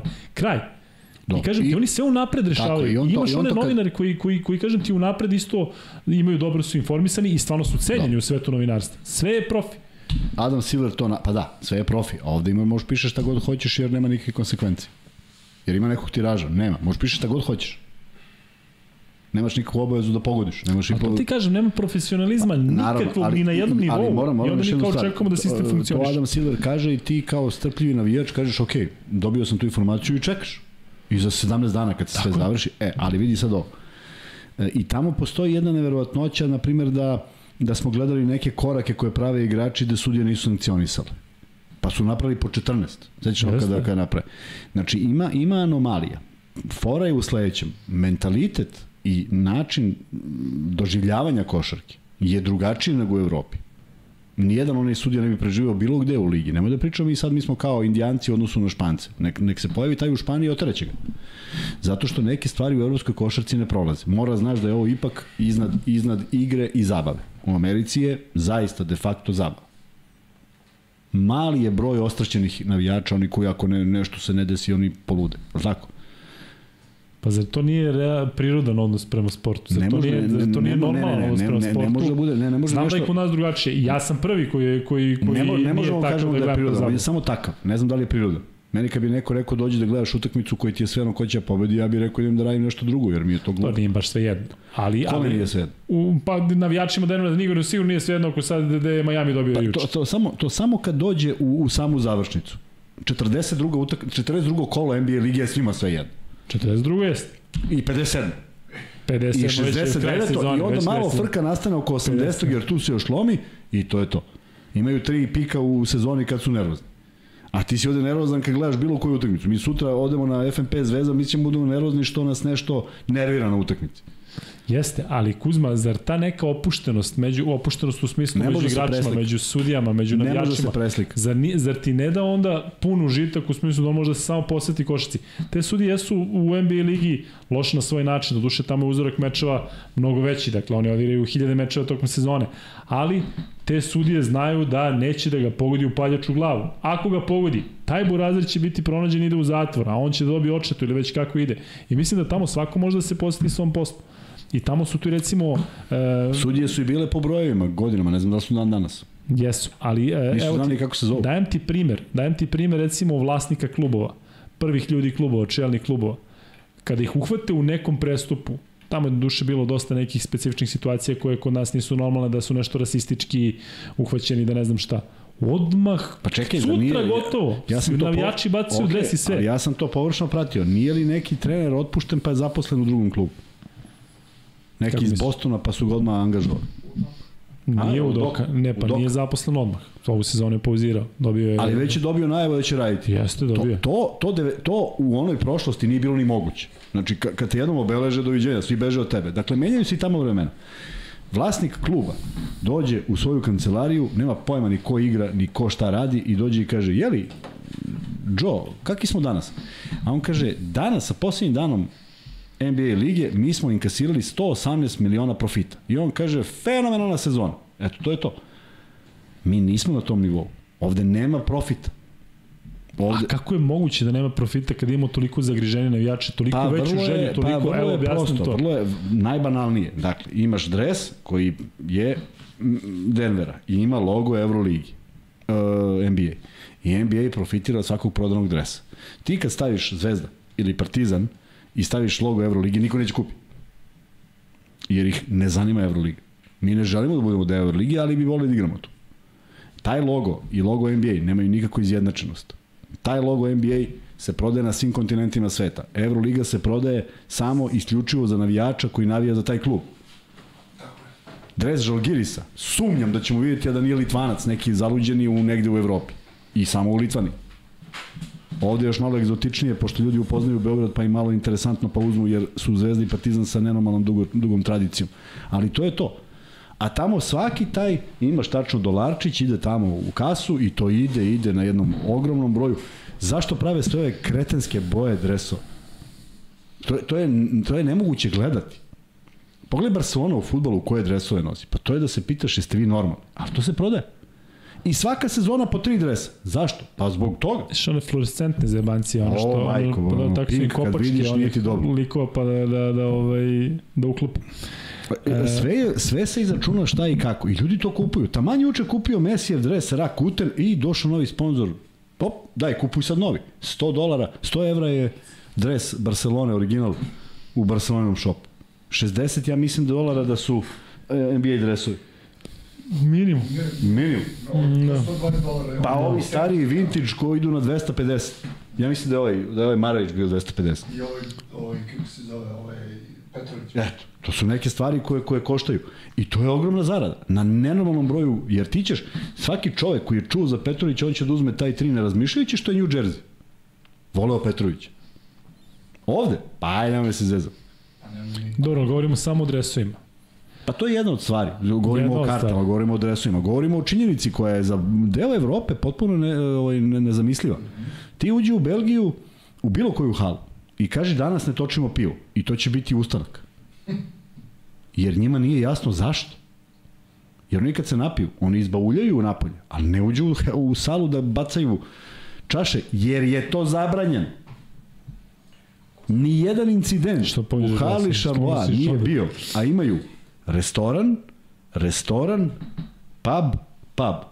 Na četiri mesta se pije pivo sve vreme utakmice. Pa sad nam reci, jel ti je bilo bolje da igraš u Belgiji u smislu opuštenosti ili da bežiš po dvoranama u slačionici? Pa ja sam volao bežim po dvoranu. Zar nije, znaš kako ja razmišljam? Ma Razmišljam jeste, e, ali ne, ne kažem možeš da, treba budemo preslikaš to da zanemariš. Ne možeš i nećemo nikada mi ovde gledati na stvari kao uh, u NBA ligi. Što kažeš, volao bih da je tako, da se završi utakmica, jebi ga, izgubili smo, idemo dalje. Ne, mi ostanemo da pričamo u podcastu 6 sati, a ostanu svi ljubitelji košake da pričaju danima. I, I svi nervozni. Ali, za ne bi trebalo tu energiju, sve to, dakle, bez emocije, e, želju za pobedom, sve, sve, sve da usmerimo ka reprezentaciji. Ja mislim da je to pravo rešenje u smislu da reprezentacija nam bude bitna, da tu prelazimo neke granice i ponašanje i svega. Jer zato što ovo sa klubovima zaista mislim da na duže staze nije održivo. Ali um, Kako može da bude epilog svega ovoga Kuzma? Dakle, Pa evo, to, tome to, kakav to, sam je, ti, to sam ti pitao. e, Koja je odgovornost na nekome ko će, evo, ne igra se, nema veze, ne igra se finale iz m, potpuno bizarnih razloga, neko je u pravu, majstore ti si u pravu, ali sutra ne igraš tu o Jadransku ligu. Šta igraš? Jer ti čak nisi, ovi čak nisu ni u KLS-u. Ne primamo vas više u KLS. Šta igraš? Euroleague i koncentriš se samo na Euroleague. Ok, fenomenal. Može. Može. Nema Ali nikakvog jel misliš da bi bilo da bi e, Euroliga kada bi rekla, e, vidimo šta ste radili, ne interesuje nas. Ne može Euroliga Ne da kaže Euroliga- jer su pustili Olimpijakos, pošto im je bilo svejedno što Olimpijakos Ne, radi ne, u svojoj ligi. pustim sada da govorim hipotetički, da Euroliga kaže ne, ne želimo vas takvu Euroligi. Može. Jel misliš da bi to uticalo na Partizan i Zvezdu uh, pozitivno da kažu je, treba igramo Ne bi, Fibinu Ligu šampiona sledeće godine To je sve zbog ovih tamo. i sledeće godine opet. Jer da su oni, onda bismo i mi, ali pošto nisu oni, to je... To je prva reakcija, ali da li misliš da bi se neko pametio i sledeće sezone rekao čekaj bre daj malo da ne, radim. Mnogo je važnije ko je jači nego da se opameti. Da, da. Kako A inače, još jedna da... vrlo bitna Ajde. stvar za Belgiju, kad si me spomenuo, da li bi voleo više da je... Sad. Vidi, ja se doselio u taj Charlois koji je proglašen najružnijim gradom, gradom u Evropi. Proglašen, nisam ga ja izmislio i delim to mišljenje. Ja sam izašao da vidim gde se nalazim uopšte i imao sam jednu uličicu koja vodi tu do nekog kineskog restorana, tu je na ćošku pumpa i preko puta ulice je ogroman tržni centar. Šta ćeš? Ne, po, pokušam da Nasiš shvatim gde se nalazim. pojedeš kineze. Na kraju tržnog centra je pizzerija, a dole je neki Buffalo Wings. I to sam shvatio u prvom. Ja sam izašao taj prvi dan, kišno vreme kako možda bude u Belgiji, meni se 45 ljudi javilo uredno, dobar dan. Prvi put u životu me vide. Dakle, ne možemo pričamo ja ovde, ovde, ovde se komši već 17 puta, ništa ignoriše mi čovjek. Koji komšija? Daj reci, ne znam, da ga nađemo sad per. kad te budemo. Znači, hoću ti kažem, takav je mentalitet. Oni dođu na utakmicu, e, 6000 ljudi se uvek skupljalo u Šarloa, jer je to najvažnija stvar u gradu. Nema ništa drugo.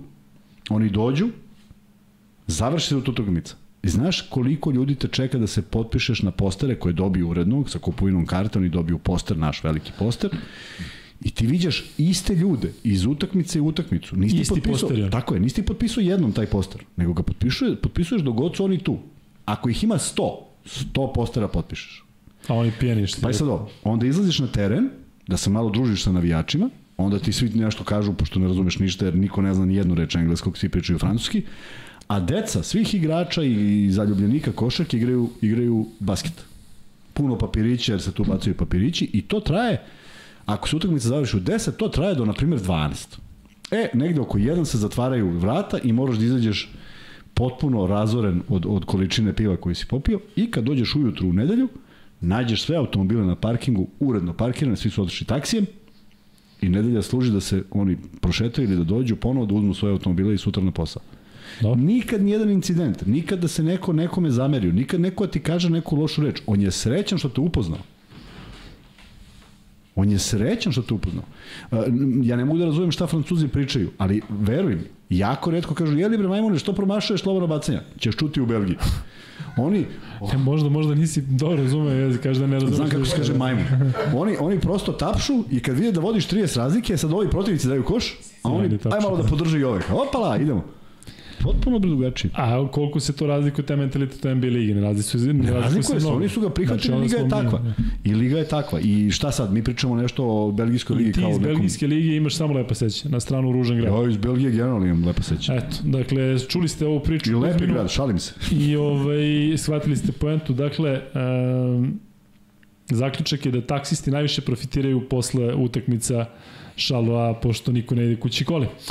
Dobro, je, napričali smo se dosta o ovome što nema mnogo veze sa košakom, mislim da je vreme da se oknemo košaci. Kuzma, utakmica koju nismo komentarisali zato što e, nismo imali kad, to je pobeda Partizana u trećem meču majstorice protiv e, CDVita, CDVita Olimpije. E, rekao bih očekivano, mi smo i najavili da će to biti približnije prvom meču nego drugom. Partizan je to e, dobio, jel možemo da kažemo, rutinski Jeste, jeste, i apsolutno. apsolutno zasluženo prošao u, u finale. Ajde da sada govorimo da, da, da ne postoji sve ovo o čemu smo pričali sat i 20 minuta.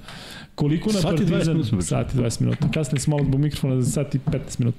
E, koliko to što je Partizan igrao tri utakmice i protiv Derbija i protiv Cedevita Olimpije bi moglo da ih govorimo kao da se finale igra sada, normalno znamo termin.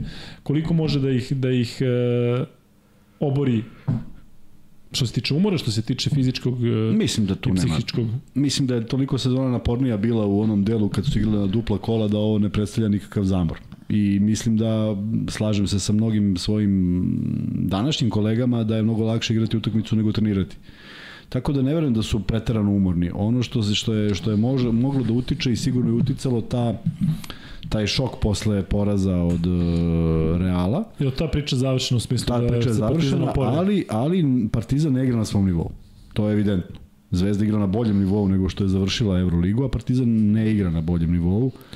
Jednog apostrofiraju igrača posebno, zaista čovek koji se od početka play-offa ne, ne ponaša onako kako je, kako je igrao do tada je Lesor. I to je jedna od glavnih a, ajde da kažem, zamerke navijača Partizana, bar ono što čitam po forumima, novinama i ostalim društvenim mrežama, ne mislim da je on igrao toliko loše, samo nije na onom nivou na kojem je igrao. Ali Možda je, govorimo isključivo tu u istručnosti zato što smo čitali Moguće, cele sezone moguće. čovjek igra po Tako je, 38 tako 39 je. minuta i to znamo kakvih je. 38 Evo Lede je 39 odigrao dobru utakmicu i bio Jeste, najbolji utakmice posle dugog perioda. Jeste. To su neke stvari koje utiču na igrače, ne možeš nikada da znaš kad bi mogao da pretpostaviš što bi bilo i suviše lako. Vrlo verovatno da će oni sada biti spremniji i da će biti u boljoj formi, ali e, jednostavno utisak koji su ostavili je za poznavaoce košarke bez navijačkih strasti je da je Zvezda izgledala mnogo bolje u ovom duelu sa budućnosti nego što je Partizan izgledao sa Cedvitom. U krajnjem slučaju razlikuju se u jednom u jednoj utakmici, pa čak i u prethodnom krugu u toj drugoj utakmici koju je Partizan igrao protiv studentskog centra, tako da ima više utakmica što govori o nekoj ne nužno kako će izgledati finale ako ga bude, nego jednostavno govori o trenutnoj formi koja je bila u tom trenutku e, aktuelna kako će se oporaviti jedni i drugi i da li oni znaju, koju oni informaciju imaju. Ja sad razmišljam, zamisli ti si danas došao na trening i kreneš da treniraš punom parom, jel ti stvarno neko uđe na trening i kaže mi ne igram? Razumeš? Zvezda ili Partizanu, potpuno svejedno. Znaš ti kao, ba, bu, ba, trčiš sprint, a on kaže, e, nemoj, nemoj, nemoj, trčiš bez veze, ne igram. Ne može tako. Nemoj da trčiš, a? Pa da, nemoj, tr- nemoj skačeš bez veze. Eto, govorimo sada o tome kako i Partizan i Zvezda pregovaraju za nastavak saradnje sa najboljim igračima. Ja sam siguran da ono o čemu smo i pričali ranije tokom podcasta da ovo utiče na neke odluke Kampaca. Pa kako ne, posebno, pa znam, posebno hvala recimo, Bogu. e, govorim sada Kampaca, dajem kao naj, naj onako aktuelniji primer, ali je li tako Kuzma, ako si negde na 50-50, i kažeš da, ovo su mi razlozi da ostanem, ovo su mi razlozi da idem. U, tu uzmeš i finansijski, i emotivni, i ovakvi i onakavi. Jel može ovo da bude taj tas na vagi koji će da kaže, pa čekaj, ovo stvarno ovde delo je neozbiljno. Hoću da I živim. koliko mi kažu ovi Hoću da moji preživim. drugari, tako je, koliko mi kažu ovi moji drugari, tako je bilo i godinama unazad, dakle nije to sada ono jedan slučaj koji, koji je samo ove godine. Tako da ja se plašim da da ovo uh, kod nekih igrača uh, Izaziva odbojnost. tako je. Ajmo, ajmo da ne pričamo o igračima koji su tu. Ajmo o igračima koji treba da dođu. Oni, ne, oni mogu da ne, nisu osetili atmosferu, nisu sve to. Jesu, mada ti koji treba da dođu su igrali sigurno u pioniru ili u areni i mogu da budu oduševljeni kako su izgledali koreografije i sve to što donose Partizan i Zvezda, ali, Ali? prosto oni gledaju i kao, jeli, jel se igra još uvek košarka u Srbiji? Pa znaš, ne znaju još tačno kada ali možda završe do avgusta. U, pa koliko mi onda traje ugovor kad dođem tamo? Pa boga mi, brale, traje ti 13 meseci, znaš, kao, to možda potraje. Jako loše, za sve jako loše ovaj, poruke se šalju. E, ponavljam, volao bi da gledam jednu ekipu u punom sastavu. Ja bih volao da se Aleksa Evramović oporavlja, nego veštavaju da je skinuo gips i da je počeo da trenira. Jeste. Mislim da je to ozbiljan, ozbiljan, ozbiljan bi bio ovaj, kvalitet za Partizan, ali s druge strane ne mogu zanemarim činjenicu da kao bivši igrač bi jako brinuo da li bi on tu ruku zvizno ponovo negde i, i kako bi to uticalo na dalji ovaj tok sezone, jer negde, ja mislim da je on po ovome što je pružao u prethodno vreme, on i konkuriše za nekog člana reprezentacije. U krajnjem slučaju. Pa da. odazivao se uvek i sad zamisli njega kojeg bi trebalo staviti da li da odigra ovih par utakmica ili da sačeka zdraviji da bude za vreme uh, svetskog prvenstva Ja sam siguran da on da se pita da bi on rekao odmah idem. Pa znam, sve ali tu, zato, i, zato mora postoji neko Da. ko će da ga spreče da se on pita. E, malo ćemo samo da prođemo statistiku. Dakle, Partizan je u pobedi protiv CDVita imao pet dvocifrenih igrača, među kojima je bio najefikasniji Zekle Dej sa 17 poena. E, 12 je e, postigao Naneli, Smajlagić je takođe odigrao dobro, Egzum, e, Andjušić je bio na dobrom nivou, bio je bez promaša iz igre, zanimljivo da je šutirao slobodna bacanja 2 od 4, ali Kuzma sada smo imali, ajde da kažem, neku realniju statistiku, dakle, odnos u skokovima, opet se Devita Olimpija bolja, ali bolje za jedan skok, dakle, apsolutno nije bilo onog disbalansa kao u prve dve utakmice, ono što je za CDVitu, čini mi se, između ostalo bilo i kovno, to je što su imali više od duplo više uh, izgubljenih lopti, Partizan je bio konstantniji što se tiče igrača koji su ajde da kažem uh, najvažniji u Partizanu, mislim da da mogu uh, navijači Partizana da brinu o Kevinu Panteru i o Matijasu Lesoru. Panter je dao 6 poena, nije do duše mnogo ni šutirao kao što zna nekada da se raspuca. Lesor je imao 4 poena, 5 skokova i ono što je za Lesora prosto neverovatno, nije imao ni jedan jedini skok u napadu. Madar je igrao sa dobrom energijom, pored 9 poena imao i 4 asistencije, a što se tiče Cedevite, uh, najefikasniji je bio Zoran Dragić, i dvocifreni su još bili Ali Begović, Murić i Matković. Stalno smo pričali, odnosno često smo pričali o Alenu Omiću. On je imao na ovoj utakmici više skokova nego poena, 8 skokova, svih 8 u odbrani i 6 poena. Kuzma dugujemo i Cedeviti malo da odjevimo ovu njihovu sezonu, jako loši u Evrokupu, ostavili su dobar utisak u ovoj borbi protiv Partizana, I to sada je sve. domaćem prvenstvu. I to je sve. I gube u domaćem prvenstvu. Mislim, jedan jedan. Jen, jen, i javili su ovde da se igra trenutno utakmica. Eto. I pi- pitaš, ok, ajde, probali smo, to je veliki budžet, nije sigurno mali, i kada se završi sezona, šta konstatuje taj neko? Vredelo je ovo. Ej, sve je ovo vredelo. Sve ovo što smo potrošili ove pare potpuno je vredelo, jer da smo imali slovenačke i hrvatske igrače, to ne bi bilo ni približno ovo. U kom kontekstu? Da, U kontekstu jedne pobede nad Partizanom, su Zvezdu pobedili uopšte, nisu, ni jednom. nisu. Jedne pobede nad Partizanom, dve pobede nad Partizanom, pošto je u druga. play-offu, druga u regularnom Je li to vredelo? Ok, idemo dalje. Pa dobro, ali zar, zar nije popravljen bar utisak što se tiče Evrokupa? Dakle, Nije, Partizanu nije. imali smo, imali smo meč su najgori loptu. Eurokup. I to nije prva sezona. Oni su imali one egzibicije sa 0-10 u prethodnim u Evrokupovima. I oni i budućnost jedne sezone su bili u istoj grupi sa, sa nekim minimalnim brojem pobjeda. Pozivam čelnike CDVita Olimpije da su ozbiljni, zašto vidite Kuzma nikad ozbiljniji. Dakle, ovde preti. Daj kadar ovo. Ne do bog da se pojavi ovde neko... Sledeće ovaj, godine da mi Da. ponovo... Što tako emotivno za Pričamo budućnost si bio? Pa da, oni dole. ono Zato što sve. to povećava kvalitet, zato što će to nekom Dobriću, nekom Aleksiju Avramoviću doneti kad igra sa, sa, sa još kvalitetnijim igračima. Ali kad su oni kvalitetni, ne mogu da dozvole da budu tako plasirani. Znam Kuzma, iz ugla. Partizana uh, jedan meč dobili, jedan izgubili, evo govorimo Aleksej Vramović, jedan izgubili, jedan dobili u regularnu sezone i jedva prošli dalje u smislu ili, ili maksimalni broj utakmica u play-offu. Iz ugla Partizana CDVita Olimpija im je bila baš tvrd orah ove godine. Kada govorimo samo o uzorak taj, siguran sam da, da Lesor i Ledej nisu ulazili na internet da prate šta CDVita Olimpija radi u Evrokupu. Dakle, pružili su korektan otpor Partizanu. I meni se čini da su sa te strane malo zadovoljni u klubu. Da, da možda moguće. čak postoji varijanta da što se ne ljutite se. Moguće. Misliš da nisu ovaj da nisu popravili Pa u ne, ne znam, moguće, mogu, možda bi bilo nešto slično i sa drugačijim timom. Ovaj, ali da će ostaviti utisak što se tiče ove sezone sa Heliosom, to sam siguran. Evo sad ćemo da vidimo kako se odvija tamo situacija. Cedevita Dejan dobro. Tomović, da mu se zahvalimo za donaciju preko Paypala, hvala Dejane. Hvala deki, malo ćeš možda raspoložiti Kuzmo, vidiš da sada kada se naslažemo O, sa deki. Olimpijem, da ovaj, Do sad sam počela goreo. rakija da ga radi iz Knjažaka sad. Otredio Do sad sada. sam ono, goreo. E, još na državni ćevapi, ništa nisam jeo tada. U, da. Cedevita Olimpija dobila Helios 78, 82-78, tako da Opa, su dobili ha? Razvalili.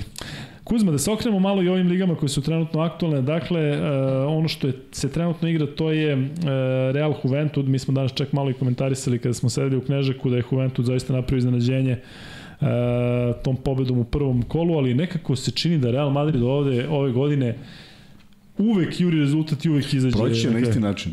Ne, ali pazi ovo, Partizan 0-2-3-2.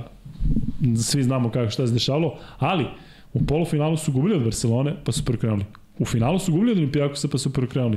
Sada protiv Juventuda e, sam siguran da će proći dalje, vode u ovom trenutku 69, 61, 33 minut. Reci mi, ili ima to Kuzma e, da je baš do tog iskustva igrača koji toliko igraju zajedno, igrali su zajedno, dakle da li svi ti majstori košake o kojima pričamo, koji su se pokazali kakvi su ovaj, što se tiče nekih stvari van terena, ali Ljulj, Rodriguez, Rudi Fernandez, da je to okosnica zašto je Real sposoban da, da svakoga obrne ove sezone.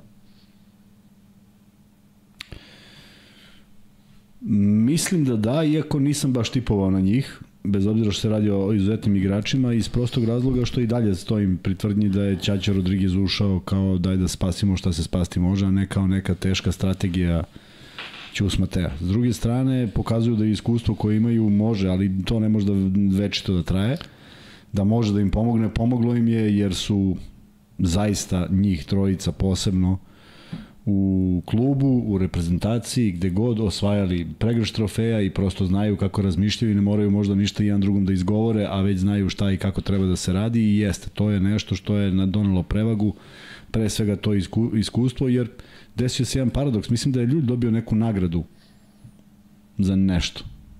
Fair play možda. Pa za nešto je dobio sad, dalo od Euroligi ili od Španske. Životno da. Od nekoga je dobio, što je paradoks sam po sebi, ali živimo u vreme paradoksa, tako da nije ni to ništa najstrašnije. Međutim, Uh, uvek me raduje kad jedna ekipa kao što je Juventud ili Unekaha i ti koji čekaju iz prikrika naprave tu neku pometnju bez obzira što je nerealan učinak ovoga Gaja. Gaj, kako zove? Kyle. Kyle Gaj. Kyle Ili Gaj Momak. Kyle. Kyle. Kyle Gaj. Kyle Gaj. E, pa njegov učinak da ga ja nešto ne, ne mogu da setim iz sezone i tih bitnih utakmica da je on nešto bio u ovakvom ovaj, e, ovakve performanse pravio ovih Da osam kažemo da trojki. da 8 trojki, ali evo Osam trenutno na, u, na polovini posljednje četvrtine ima 1 od 4, tako Pa da, da. znamo da je to bilo Tako je, to je bilo samo moment inspiracije, međutim, eto, Juventud živi na osnovu toga i nada se. I naravno da bih voleo da padne, uvek, uvek navijam za slabije kad god je to moguće. Uh, Ali bi stvarno voleo da gledaš recimo finale Juventud Unikaha, a ne opet ove majstori s jedne i s druge strane. Ne, ne bih voleo zašto bi uživao u kvalitetu, ali bih voleo zašto se desilo. Da. To je velika, to je velika ovaj, diskusija bila kada, kada se u, u Ligi šampiona u futbolu ono, iskristališe ko je, pa kao, jao, prošla ova dva, neinteresantno. Da, Da. Pazi, oni zasluženo prošli, još prođeš onoliko takmičenje, ali prosto nešto donosi ovaj, pare, nešto donosi uzbuđenje, voliš da gledaš te i naravno da ja više volim da gledam uh, Real i, i Barcelonu, ali isto tako volim da vidim kad padnu pre finala. Znaš ko je najefikasniji igrač trenutno? Real Juventud 74-63. Znaš ko je dao 24 poena? Ne. Gershon je Busel. Ja Moje, On baš odmoran. on, on je jedan od omiljenih igrača. Odmorio Baš me, baš me interesuje kako igra, javim. E, ono što mene zanima, da li će Real zaista odreagovati na kraju sezone i da li će nekome zapamtiti ovo što se dešavalo protiv Partizana, zato što su rekli i neke legende kluba i Real si je rekao da će sačekati sezonu pa da će onda ovaj, biti sankcija. E, baš me zanima kojih sankcija i e, nažalost sigurno sam da čak i Ebusele da, da dobije otkaz u Realu, da će jako brzo pronaći novu sredinu i da će možda dobiti jednako dobar, ako ne i bolji ugovor i eto, sada ta sva nepravda protiv Partizana i one sve budalaštine koje su pravili igrači poput Ljulja i Abusela i ostalih E, moram priznati da i dalje bole. Mene kao nekoga ko, ko podržava Partizan e, jeste prošlo vreme, jeste se sve kao nešto sleglo, ali tek sada onako čovek razmisli šta bi bilo da oni to nisu radili, šta bi bilo da ovi nisu odgovorili na provokacije i zauvek će ostati to šta je bilo. Ali dobro, E, što se tiče još ovih liga, dakle Kuzma, krađe koju smo videli juče na štetu Fenerbahča, jel misliš da je da ima nečega iza tu ili je samo loše suđenje zato što su loše sudije ili ima neki Ne, pozitiv? znam- ne znam Kako ti je situaciju. delovalo ne znam situaciju tamo, ali eto, život ide dalje i odigrana je utakmica i bilo je napeto i bilo je loše suđenje i odigraće se i treća i četvrta i do kraja serije će se odigrati. Jednostavno to je to je nešto što nas prati, prati nas od uvek, od kad postoji suđenje i od uvek postoji. Kako je bilo suđenje kada si ti znao, pričao si mi da je tad bilo svega i svačega, ali kad porediš s ovim danas, jel su imale i veći, veći autoritet nego sad?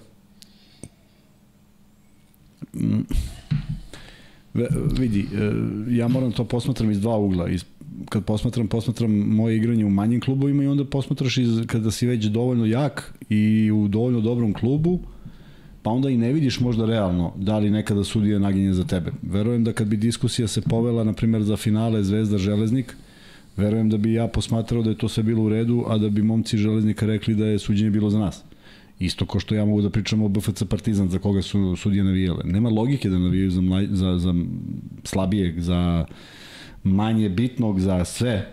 Tako da ovaj, uvek, su, uvek su na strani i to se pomeriš tim. I mi smo te utakmice koje smo igrali, igrali sa idejom da nam sudije uzmu pet lopti, ali da mi budemo dovoljno dobri da izdržimo tih pet lopti i to je nekako ušlo u taj neki mentalitet naš, tako da ako ti uzmu baš 10, onda si malo je teže, ali ako se zadrže na pet, to je sasvim ok. Bilo je sudija koje su imali autoritet, koje su svoje odluke donosili autoritativno, čak i ako su grešili, ali ti vidiš da on čovjek zna šta radi i ne radi nešto. Dešava se da dune nešto što ne vidi. Dešava se nešto da idemo u zaštitu sudija zato što znam koliko je teško nekada dosuditi pravu stvar.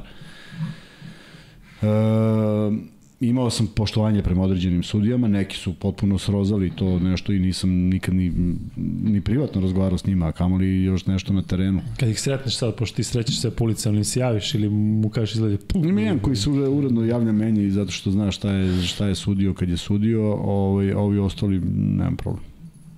Sad pogađajte ko je to sudija. Ja znam, a vi vidite. Inicijali, da, da, inicijali i adresa. W, w Y inicijali. E, Kuzma, kako pamtiš suđenje u Euroligi dok si bio u budućnosti? Ipak je budućnost bila projekat za koji se znalo, tim koji nije imao tradiciju u Euroligi, znalo se da to neće trajati decenijama, ali jel pamtiš da ste bili nekada oštećeni? Da ste onako izlazili spremni? Ja sam uvijek bio oštećen. Pa da, Te i, i, u, pot, u podcastu i u Knežaku, svuda. svuda e, nisam, ej, nisam. Ušli smo, ušli smo bili, stvarno je bilo drugačije neko razmišljenje. Jel mi veruješ da da ja bar lično nisam znao ko nam sudi. Čak nisam ni znao i poimence sudije. I zato što sam smatrao da ako stvarno igramo dobro, može da sudi šta god hoće. Da. I mislim da je to dobar, da je pravilan pristup. Ja, meni je krivo što se ovde kao, u, znaš ko nam sudi? Kao, oj, oj, oj, u, i onda svi, znaš, cela pa, tribina kao, ma nemamo šanse. Čekaj, čoveč. Ali tu recimo seriju protiv Panatinikusa koju ste izgubili u pet mečeva, pamtiš da je bilo, bilo šta nešto sporo? Mi smo, mi smo vodili celo polovreme, imali ima, egal, utakmicu, ništa, tu nisu oni navukli za, za Panathinaikos niti mislim da se neko time bavi nužno. A imali smo jednu o, vrlo otežavajuću okolnost i uopšte nemam osjećaj da nas je neko oštetio. Otežavajuća okolnost je bila u tome što je godinu dana pre toga Panathinaikos sa Bodirogom i Rađom pobedio sve u grupi i bio očišćen u četvrtfinalu šanse da se desi to ponovo. To, to nam je bilo, više nam je smetalo no. to da. što smo znali to, imali to saznanje da pobediti ih ponovo u četvrtfinalu bez obzira na odličnu utakmicu u, u, u Atini i bez obzira na fantastičnu utakmicu u Podgorici, u kojoj smo mi slavili 14 razlike, znali smo da je ta treća Kako utakmica... Kako pamtiš to, nevjerojatno. Šta pamtim? 14 razlike slavili u Podgorici. Koji, 90 9, 2000, bilo 2000 pre, pa, pa. pa kako ne znaš? Sve znaš, samo to ne znaš. 2000, pa da, taj, ta, to mi je rupa u sećanju. Ajde, imao si 19 godina, pa sive ćelije, sve ste budućnost, Samo sam budućnost preti. A ti... E, Crni grobar javlja, kaže da je Darius Thompson blizu Fenerbahča i da je blizu Nejci Stina. Nejci Stina je košarkaš koga sam prenosio dosta puta kada se tek pojavio u u evropskoj košaci, igrao je za Hapoel Holom, pa je onda igrao za onaj uh, Denizli poznati kao Merkez Efendi, ali zaista kako igrao sezonu Turk Telekomu, apsolutno mislim da ima interesovanja evroligaških klubova i mogu, vrlo moguće da će ostati u u Fenerbahču. Red je zato, evo, ovo je bila, da kažem, samo najava onoga o čemu ćemo kratko pričati sada. To je ta druga e, serija, odnosno druga polufinala u Turskoj 84-81. Pretpostavljam Kuzma da nisi pratio Kršijaku i Turk Telekom, ali e, zaista zanimljivi okršaj, dakle sva tri meča vrlo, vrlo interesantna, 2-1 vodi Kršijaka, dakle oduzeli su prednost domaćih terena Turk Telekomu i mislim da tu postoji e, neka tradicija dobrih rezultata i da je to pre svega vezano za Ufuka Saridžu koji ja sad već ne mogu da izbrojim koliko godina je on u tom klubu kao jedan od najcenjenijih domaćih turskih trenera da bude u klubu koji nije Evroligaš da ako se ne varam, čak možda gurne i neke reprezentativne stvari u drugi plan i da ostane jedna, u priužen klubu, svakomu zaista čast, tako da eto, navijam iskreno da za Karšijaku, ne zato što ne volim Turk Telekom, što više bodrio sam ih i navijao da do, možda i osvoje um, Evrokup kako bi oni bili taj Evroligaš naredne godine, ne Gran Canaria, zato što znamo da je tamo navijenje slabije, da se ne gleda na košaku na isti način kao u Turskoj, ali evo u ovoj seriji moram priznati da mi je, da mi je draže Karšijak. I to je to što Kuzma, što se tiče tih evropskih liga, mi smo najavili da se sutra uh, igra meč, prvi meč finalne serije između Virtusa i Armanija, to će isto biti interesantno za praćenje. Vidimo da se igra i u Izraelu, igra se naravno na svim frontovima, ali ono što je publici u Srbiji najinteresantnije, to je NBA Liga. Kuzma, si e, gledao meč treći, ispratio highlightse, kako si ga, pošto nismo ovde gledali uživo, priznaj sada ovih 3000 ljudi Ma u šta live nisam gledao, gledao sam uživo. Ne, samo ti kažem da smo ovaj 65-59 izgubili, 77-64 pobedili i 78-61 Odet Kataš nas je... To je tih 14 razlike, 78-61, tako? Ne, to je i 77-64, ali vjerojatno su pogrešili na Wikipediji. Vjerojatno su tebi Valjda ja uzeli. znam, valjda ja znam Vjerojatno koliko je su bilo. tebi neki pro, ovaj, Valjda ja znam da. bolje.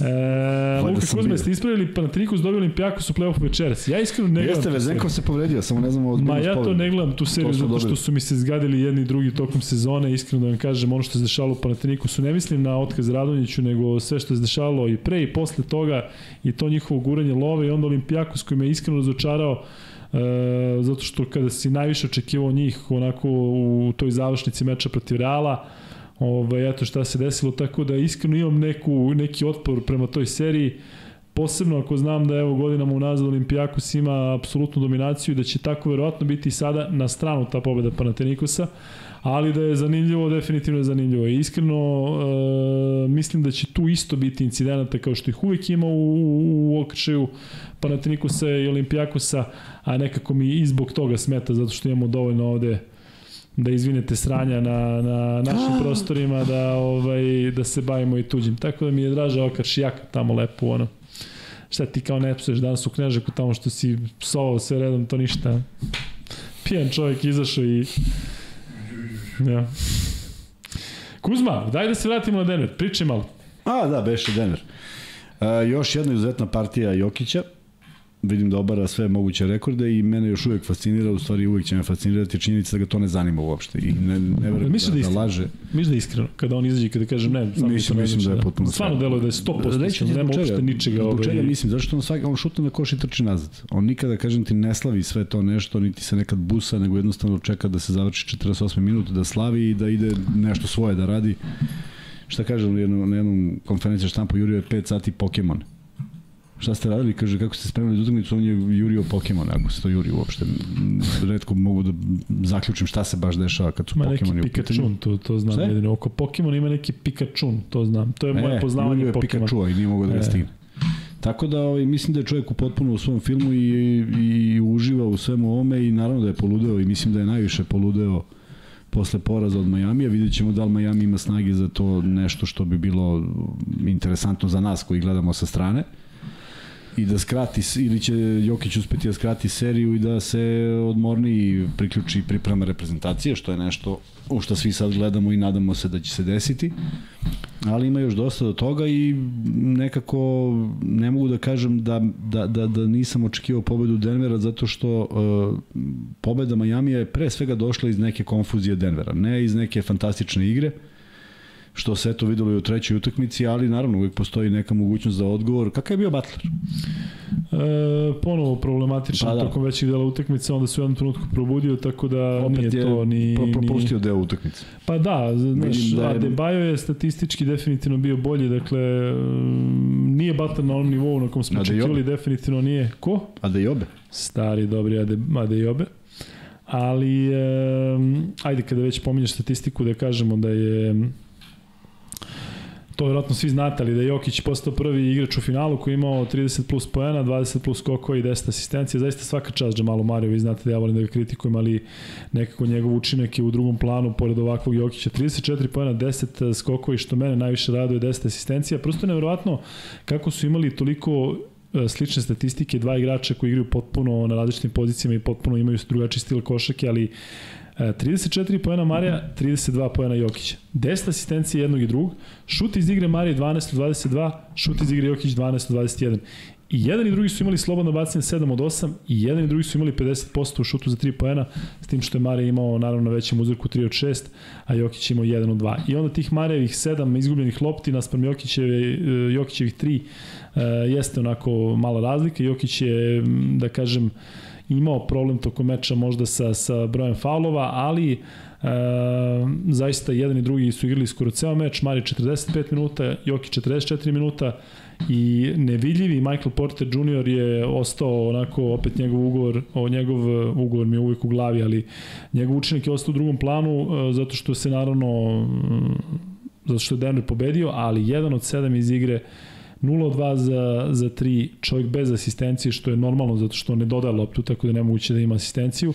Ali ovaj, Mare i Jokić su zaista odradili fantastičan posao i naravno priča se o Kristinu Brownu koji je sa klupe eksplodirao. Dakle, uvijek se očekuje da Brown, Bruce Brown bude taj koji je bolji, ali Christian Brown sa onakvom odbranom 15 poena, 4 skoka, 7 od 8 šut e, iz igre, 7 od 7 imao za 2, imao je onih 2 plus 1, dakle i dalje sa tom rotacijom od 8 igrača Denver zaista deluje fantastično. Kuzma, ajde ovaj da, da, da sada odemo malo dalje u priču. Znamo koliko hval, hvalimo Divca, apsolutno sa pravom, zato što on ovde e, postavio neke standarde, promenio situaciju što se tiče gledanja na igrače koji nisu iz Amerike. Međutim, da li smo mi svesni šta imamo u Nikoli Jokiću, zato što je on toliko dominantan u NBA ligi da ovo sve zaista deluje iz njegovog ugla toliko lagano, a opet mnogi misle da je NBA liga možda konkurentnije, konkurentnije nego ikada ranije, iako nije zvanično MVP, on zaista tamo nema, nema konkurenta u individualnom smislu. Nema i mislim da je pitanje samo koliko će biti u stanju da traje. Uh, ova sezona i prethodne sezone sigurno jesu naporne, međutim nekako mi deluje drugačiji na terenu i drago mi je što si pročitao da je statistički igrao više minuta, što znači da Melo nije pravio nikakav eksperiment, što je možda moglo da uradi, mogao da uradi i na drugoj utakmici pa da ne dođe uopšte do izjednačenja. I mislim da je u stanju da igra i da igra i da igra i da se zabavlja i samo je pitanje koliko će ga to držati. Ti si jedno vreme pričao da li bi trebalo da pređe negde, evo ga on sa Denverom u finalu NBA lige, e, ostvarenje nekih snova i nešto iz čega može da iskoči, a što Divac nije uspeo da dostigne. I definitivno ove dve titule, pa i ova treća koja mu je uskrećena iz hiljadu razloga koji nemaju veze s košarkom, a opet njega ne dotiču, nekako mi deluje da svi ljudi u NBA i šire znaju uh, koji jeste MVP, ali kažem, to nekada i nije nešto što je najbitnije. Ono što je najbitnije je to neko poverenje koje on ima od trenera, neku ljubav koju navijači osjećaju prema njemu, jer zaista donosi to nešto i košarka je sad u Denveru verovatno hit, ako nije sada ne znam kad će da bude. I samo je pitanje koliko ga to još zabavlja i koliko će još uh, možda za nijansu bolji tim dobiti samo zbog toga da bi se malo rasteretio i da ne bi igrao, jer uh, iz godine u godinu neće moći ovaj ritam da se izdržava na ovaj način. Dobio je sasvim pristojne saigrače koji u ovom trenutku u sezoni igraju poprilično dobro i da li može bolje, vrlo verovatno, ali e, na početku sezone složit ćeš se nisu uslovili za glavne favorite. Nisu za glavne, ali s obzirom na to da su bili zdravi... Tako je. Pa zavisi na Znalo se da mogu više od prošle dalje. godine, ali tako. nisu definitivno bili. Pa čak i po kladionicama smo govorili da upravo, nisu bili jedno vremeni u top 5. Tako da je poremetio sve i neka traje i neka bude na raspolaganju za reprezentaciju i sve divno. Kuzma, počeo si sada ovo izlaganje time e, koliko Jokić može da igra na ovom nivou. Igrač njegovih karakteristika, dakle neko ko igra glavom, Da li apsolutno očekujemo da on, s obzirom da ne zavisi toliko od fizikalija, da bi on zaista mogao nekarakteristično za jednog centra da ima veliki broj ovakvih sezona? Zato što ja ne vidim, ja mogu da zamislim njega da za 5-6 godina malo uspori fizički, ali njemu će glava, ja mislim da će još bolje funkcionisati tada zato što će biti još iskusniji. Tako da ja apsolutno verujem i nadam se da mi njega na visokom nivou možemo da gledamo skoro pa još celu deceniju. Možda si u pravu, ali da znaš još jednu stvar. Može da se desi da dođe neki trener koji želi neki svoj pečat da da. Melon je bio prilično jednostavan, shvatio šta ima, to razumeo, to eksploatisao, to podržava, štiti Jokića u svakom mogućem momentu. Ovaj, ne znam šta bi trebalo da napravi da kaže, ej, nije u redu.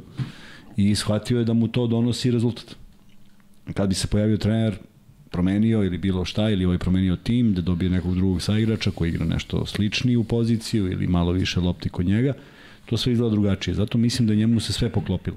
Nije nezasluženo se poklopilo, rastao je on kroz tu ekipu zato što nije ovo izgledalo baš tako sjajno bez obzira što je on skidao ove MVP titule, ali uz njega i uz njegovu igru su rasli i drugi igrači. Došlo se do ovoga i ja se nadam da se došlo do titule, što bi bilo više nego fantastično. E, drugačije će biti i sledeća sezona gde će ih svi posmatrati drugačije i želeti da im naude u svakom smislu, ali kažem, dogod je kod njega zabava, a deluje mi da se izuzetno dobro zabavlja i da mu je to pre svega motiv, do tada ne moramo da brinemo. E, pitao da Miroslav Krišan, šta mislite Luka i Kuzma, da li Pešić gleda ove utakmice, da li bi mogao da izvuče neke pouke i akcije ako poredimo Marija sa Bogdanom? Koliko e, zaista misliš da, da sada ovo može da utiče na reprezentaciju u slučaju da Jokić igra, da se možda zaista igre reprezentacije e, poistoviti s igrom Denvera ako to tamo donese apsolutno rezultat u najjačoj ligi na svetu, e, znamo da je Jokićeva uloga potpuno drugačija da ono što, što smo probali sa njim i Micićem ne deluje onako kako, kako smo svi priželjkivali, ali e, on je toliko dobar da ja mislim da njegova dominacija na bilo kom nivou jednostavno mora da dođe do izražaja. Sećaš se koliko je dominirao Peković? I kad je došao na ta evropska prvenstva, utrajali su ga, ne udvajali, pošto je njemu najveća mana bila taj povratni pas. I on je stalno bio na liniji slovnih bacanja. Neka ih daje sva, tebi ostatak ekipe ne igra. Ti ovdje imaš velika imena i vrlo dobre igrače s kojima moraš da podeliš i minutažu i sve to. Ne mislim ja da postoji Jokić da će on nekada kada je ovaj čovjek u samu ćošku da će on da ga preskoči. Ali to znači kako si postavio igru i na moju veliku žalost igra u nekom evropskom ili u reprezentativnom takmičenju nije identična NBA igri. Drugačije su taktike, drugačije je brzina, drugačije je sve ovo se i dalje igra. Pa evo videli smo onu sliku Videli smo sliku gde ko onaj, ko je onaj momak što šutira trojica igrača u reketu. To je Michael Porter Jr. Michael Porter Jr. To je uvek šutira. on, kad god imaš te slike, to je uvek on kada e, je na dodavanju okay. u pitanju uvek je. E sad, i tamo je to, i tamo je to išlo još gore dole. A u Evropi, na evropskom prvenstvu je to time out i pitaš ga, jeli, sine, jesi normalan? I više ne ulazi. Drugačiji odnos. Mislim da bi ga treneri poput Duške Ivanović i Željko Bradića drugačije bi to ovaj, formulisali. Znaš, ne sine, si normalan, nego sine, teri se, bre, sej tu. Sigurno, i... ne, već, znaš, on izbacuje da. loptu, a oni već zapričaju s tobom. Znaš. I čekaju, čekaju ovo. Čekaju, samo da. Tako da to su to su osnovne razlike, ne može se prekopira, ne može se prekopira ni stil igre, ne može se prekopira odbrana koja može drugačije da reaguje. Ipak ipak mi gledamo NBA da je Jokić uvek u duelu 1 na 1.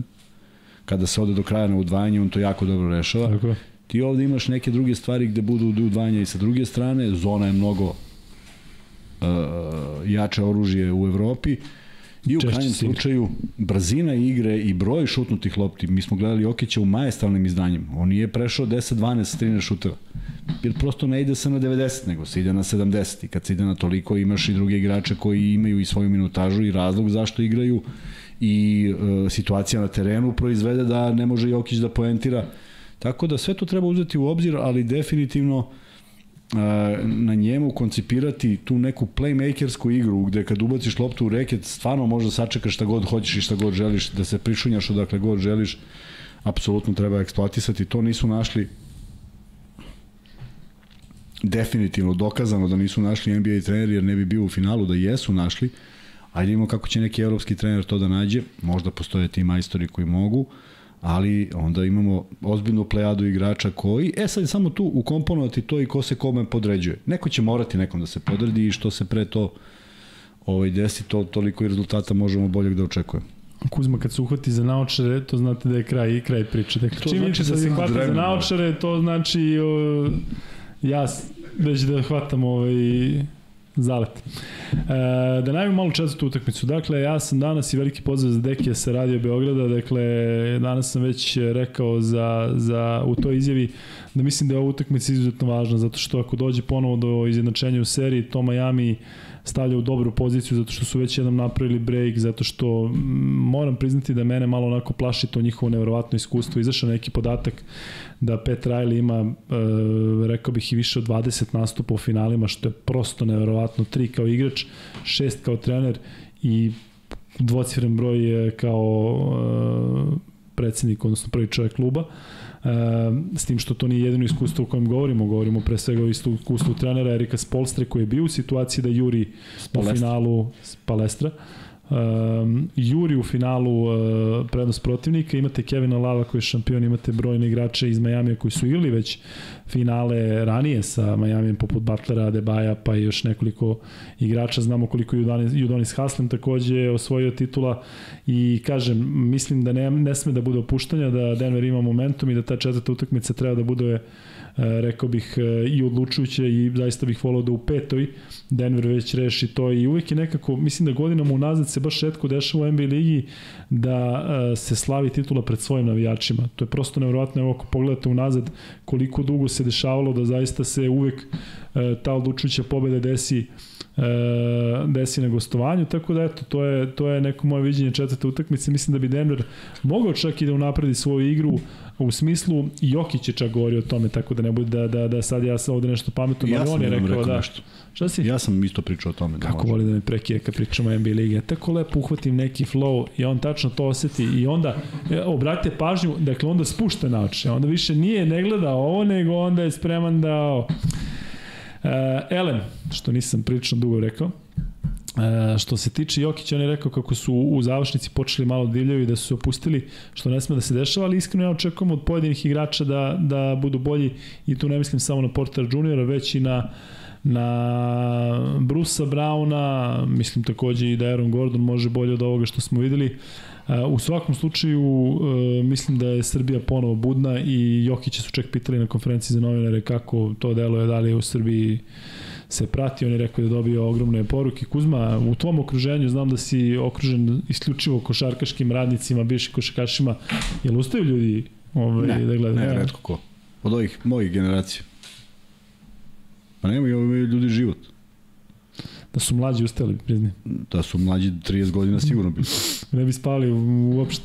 Ne, ja potpuno uh, razumem ovaj, mladost, mlade koji to hoće da gledaju jer vole. Uh, mi nismo imali priliku da, da, da gledamo na tom nivou tako, tako bitne utakmice naših igrača, jeste bilo pokušaja ili jeste bilo i finala konferencija, jeste bilo svega, bilo je zaista interesantno, ali on je to donao u novu, u novu dimenziju i sad ko ostane budan uglavnom gleda njegove pobede. To je to. Nema dalje. Mm, uglavnom gleda njegove da... pobede. Milan Bačić donira i kaže, evo su konačno kamionđije, kaže, kamionđijama olakšavate život, eto, toliko pozdrav, veliki pozdrav za tebe, Milane. E, Kuzma, ostaćemo još malo kod Jokića, ali ćemo da povežemo ovo sa reprezentacijom, dakle, njegova dominacija u NBA ligi i veliki broj i mladih igrača u NBA ligi i naših drugih igrača u NBA ligi i takva, da kažem, e, dominacija u godinama iza, u smislu smo imali često MVP-a i Vasa, Vasa Micić i znamo koliko imamo reprezentativaca na evroligaškom nivou. Da li nas to stavlja u glavne favorite na svetskom prvenstvu ili ćemo opet mi da zavisimo od toga kakvi Amerikanci naprave tim? Ako imamo Jokić, ako je on spreman, ako je odmoran i ako imamo zaista popunjen, popunjen tim dobrim igračima, dakle onih 12 najboljih, e, ja mislim da samo fali da se uigraju i da apsolutno imamo pravo da se nadamo najbolje ja mislim da je to još uvek daleko i da vidimo koji će sastav biti i da vidimo ko će se odazvati i da vidimo jer po toj logici i ovo evropsko ne bi trebalo da je prošlo bez nekih problema pa je prošlo sa ogromnim problemima, nismo tamo gde smo zamislili da budemo. Ne mislim da su nam treneri širom sveta, širom Evrope laskali kako igramo, mislim da smo igrali fenomenalnu košarku, da smo pokazali opet nešto drugačije, ali nekad fenomenalno ne ide u skladu sa i uspešnim. Tako da, ajde sačekamo da vidimo kako se stvari odvijaju, koji sastav ide, kako je koncipirana igra, to ćemo vidjeti kroz neke pripremne utakmice, možda ćemo nešto i kriti za, za svetsko prvenstvo. Svetsko prvenstvo možda bude za nijansu lakše, jednostavnije doći do nekog željenog cilja, do onih top 8 iz prostog razloga što, što ipak imate neke ekipe sa drugih kontinenta koje nisu u rangu evropskih, pojedinih, koji učestvuju na evropskim prvenstvima, ali mislim da ne bi trebalo da nas stavljamo u red bilo kakvih favorita dok to ne dokažemo, ne zato što je to neka floskula, nego zato što smo se opekli mnogo puta i da vidimo da ponovimo uspeh, ono što bi ja voleo da se desi, naravno medalja u svakom smislu, ali ono što bi ja voleo da se desi kao prvi cilj, primarni plasman na olimpijske igre, da tako sa svetskog se ide na olimpijske igre, e, to je onda već nešto što smo uradili. Da, ovo sa basketašima je zaista bilo fantastično i kaže, meni je pored svega toga posebno drago što su obezbedili plasman olimpijske igre i zaista mislim da imaju priliku da e, dođu do nove medalje koja bi mogla da bude sjajnija nego ova prošla kada su bili bronzani u Tokiju. Um, u svakom slučaju što se tiče što se tiče ovog NBA finala nastavit ćemo da pratimo još jednom kažem da postoji želja da sve mečeve do kraja pratimo live ali vidjet ćemo da li će to biti izvodljivo u praksi tako da imajte razumevanja ako ne budemo sa vama uh, tokom narednih utakmica um, u svakom slučaju uh, Kad je naredno? subota na nedelju da za vikend malo morgina imaš planove ideš u Lafayette Da, već znam. Imam da jedan koncert, sviram da. nešto u bendu. E, ništa, što se tiče NBA lige, to je to za sada. Gledat ćemo, kažem, da, da nadoknadimo to u danima koji idu. Pratite naš Instagram, pratite i naš community na YouTube-u, što je dalje ne znam šta je. Ali, Ali pratite. ovaj, da, znam da Kuzmo to pošle na ovoj grupi, kao stavite ono community, onda ja kao to nešto tražim, ne mogu nađem nigde. Ali ovaj, u svakom slučaju pratite nas i saznaćete šta i kako. E, sada dolazimo do ovog perioda, do ovog perioda, do ovog eh, dela emisije kada ćemo da ispucamo free betove. Uh, prvi free bet, uh, Kuzma, ili imamo uopšte nespremljene, nespremljene prevode i Naravno da imam. Da li imamo? Šefe. Pa naravno da imam. Šefe, ti, ti si to isto pratio, ili imamo, a? Imam. A ti se gledaš na, na, na telefonu nešto Sad ću totalno šest. Dobro, prvi free bet, uh, max beta, nećemo danas imati knježak, dovoljno smo ih gurnuli u minus kad smo danas tamo pili i jeli, ali ovaj, šal na stranu biće, biće ponovo knježak e, opcija i zaista nije reklama, stvarno ljudi, onaj ambijent, ona klopa, ono okruženje i, i sve je zaista jedan fantastičan ugođaj, tako da iz mog ugla, znao sam da je to divna nagrada koju delimo, ali posle ovoga danas Evo, kada proživiš, e, zaista da znate u buduće kada Knežak deli, borite se za to. I ono što hoću da vas zamolim sada, i to nek bude praksa u buduće, e, imamo ove igrice, molim vas nemojte učestvovati ako e, ne želite nagradu, zato što onda remetite sve i imali smo, doduše ne često, ali se dešavalo da neko kaže ko je prvi, ne, ja se ne kladim ili ne, nek po- poklonite nekom drugom, dakle ako e, znate da, da ne želite da imate ma, da igrate preko Max Beta ili niste u mogućnosti da odete u Knežak, nemojte onda samo učestvovati, pustite one druge koji, koji, koji se ravnopravno bore za te nagrade da dođu do izražaja. Dakle, sada bi trebalo uskoro na ekranu da izađe e, ime na engleskom zagonetnog košakaša, dakle ko Evo. ovo prevede e, dobit će nagradu i molim vas da ide i ime i prezime. Ajde, izvoli. Ko je Ormi Dixon? Ormi Dixon. Hvala Ormi, Milanu Jovanoviću za ovaj predlog. E, da, šaljite nam ovako vaše predloge, ali na Instagram ili na, Da, šaljite na meni. Gmail, Instagram. da. Na community, nek pišu. Na community, šaljite, za slučaj da dođe do nas. E, obećali smo, obećali smo da ćemo u nekom trenutku da ubacimo neki Viber, odnosno Viber community i hoćemo, samo nam dajte ovaj vremena sada zato što fokus potpuno prelazi na organizaciju ovoga što nas očekuje za 8 dana, 9 dana kada ćemo se družiti sa svima vama na Adi. Neko je imao predlog da dovedemo nekoga od donatora ili nekoga od eh, da nagrada bude da neko ovde gostuje od vas, fanova i zaista ćemo to nastaviti zato što smo to radili ranije oni koji su sa nama od skoro to se ne ali imali smo često ovde momke mm, i koji su, koji su zaradili te nagrade. U svakom slučaju, e, ono što će sigurno biti, to je da će tokom e, druženja na, na Adi e, dobit ćete priliku možda i da nešto izjavite i da onda to sve neko spakujemo i montiramo u neke podcaste, tako da i tada ćemo želiti da čujemo vaš glas. Kuzma, koji je tačan odgovor? Pa šta su govorili nešto? Ne, odgovorili su sve. Ajde, kaži. Ilija Đoković. Jeste stvarno? Ne znam, ja engleski pratim. Ilija Đoković. Jeste, Ilija Đoković. Je li neko odgovorio? Jeste. Ko, šefe, meni ovde ovaj live chat i ovo... Mm, š, pa da, ali me zez. Neki Ilija Dejan Pintarić kaže. Ilija Kjurik, Ilija Kurčubić. Ilija Đoković, Ivan Horvat mi se čini da je prvi. Ispravite me ako grešim, ali Ilija Horvat Jeste, Ilija Horvat je prvi, zaista dobra fora, tako da hvala, ko je posle Kuzma? Šta kažeš? Milan Jovanović. Hvala i šaljite još. Ili imamo spremljeni drugi, pa Imamo, imamo, imamo spremljeni drugi. Dakle, e, prvi max bet free bet ide u ruke, šta smo rekli, koma, koga? Ivan Horvat, hvala Srki. Uh, Ivane, šalješ na luka i kuzme.gmail.com A ovde Kyle Kurik. Dobro, for. Vjerojatno su samo se koncentrisali na prezime. U, koka slova. Sada ćemo da ukucamo Morate i drugo. skinete, ogromna su slova na ekranu. Sad nazad. Hmm. Nazad, nazad, evo ga. Još malo, još, Još malo, malo, još mora malo, da još se malo. smanji. Evo. Još malo. Ko je Soul Homer? Da, Homer. Homer. Soul Homer.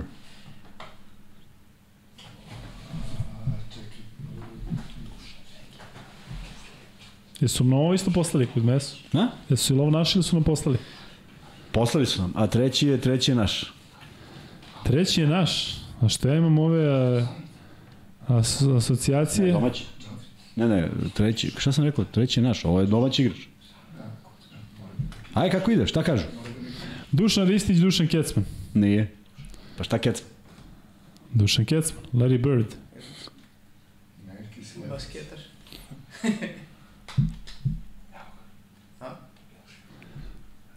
U Miloše.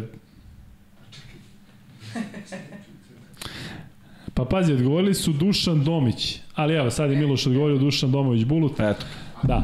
E, Dušan Domović Bulu, dakle, ubacili smo i basketaša, jednog od najboljih ikada, zvanično, dobra fora, tako da e, Miloš Filipović je taj koji e, dobio ovaj free bet i Miloše, dakle, proceduru znaš, lukajkuzme.gmail.com, šalješ svoj e, nalog i na to će ti biti uplaćeno 1000 dinara. Spreman je i treći e, Treći je, treći je za ozbiljno, ozbiljne poznavaoci koša. Treći. Telo E, naše kolege iza pulta. Je li tako? Jeste. Da imamo kako će... A šta radite ovo? Aha, evo. Opa, opa, opa. Aj sad. Ko je? Sewing, Sewing Beach. Beach. Srki, ja gledam, razbija glavu. Da, Srki, ono... Za ovo smo je razbijali ozbiljno. Ja znam samo da je Gudurić Dobrić na engleskom. Kuduric. Da. Dobro, ko je Sewing Beach? E, ko odgovori? Dobija treći free bet. Ajde, nastavi dalje dok ne odgovore. Larry Bird kaže, mislim da sam ja prvi. Eto ti sad. Ali moguće, vidim da su ovde pisali sad, Larry Bird je se, prvi. sastane komisija čim završimo. Jeste, Larry Bird je stvarno prvi, tako da ili Ivan Horvat, šalji ti, ajde, nek ide, da ne bude, da ovaj, ovi naši drugari iz uh, Max Beta će da, da razumeju kakva je situacija, tako da Larry, upravo si, prvi si, ali da ne bude da smo zeznuli Ivana Horvata, šalješ i ti, tako da nema šta. Ko je ovo? Ja ovo ne znam šta je. Je li ono što smo dopisivali? Da. Dakle, uh, je li prvi Milan Milanović? Hm? Da. Jeste tako. Dakle, Sejo Bukva. E, ko se seća Seja Bukve? E, Sejo Bukva je ljudi imao karijeru e, koja je trajala, ja mislim, da je već ušao u petu deceniju. Jesi igrao protiv Seja Bukva?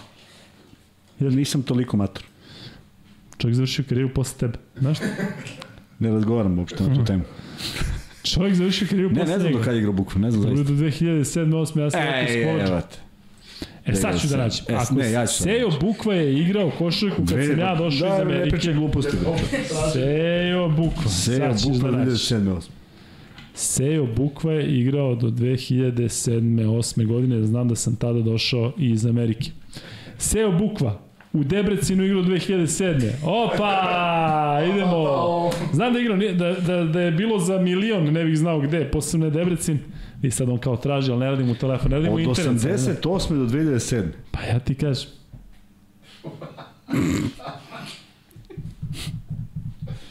Sejo Bukva igra u Ulkiru, pa se vi zezete. Pa dobro, to mu je naj, najjače što je igrao. Evo sad, sad ide e, m, njegovo maložovanje seja. Sve Malo legenda žuvanje, najveće. malo žubalovanje. Dobro, drugari, evo ćemo da ubacimo još jedan ekstra free bet, a? da budu i neke asocijacije, da ne bude samo Ajde, baci asocijaciju. Može, ajde. Ja sam spremio jednu asocijaciju, ali me Kuzma kao i obično što me poklopi, poklopio sa ovih 9 free betova max bet.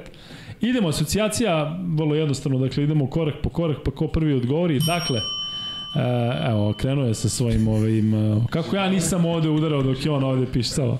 Zašto je zvonce moje? Dakle, ovaj igrač je, idemo skroz opšte, biran u drugoj rundi draftova pre 5-6 sezona. I ko prvi odgovori, uh, ićemo, kažem, korak po korak, ima jedan zaista interesantan korak. Ovaj,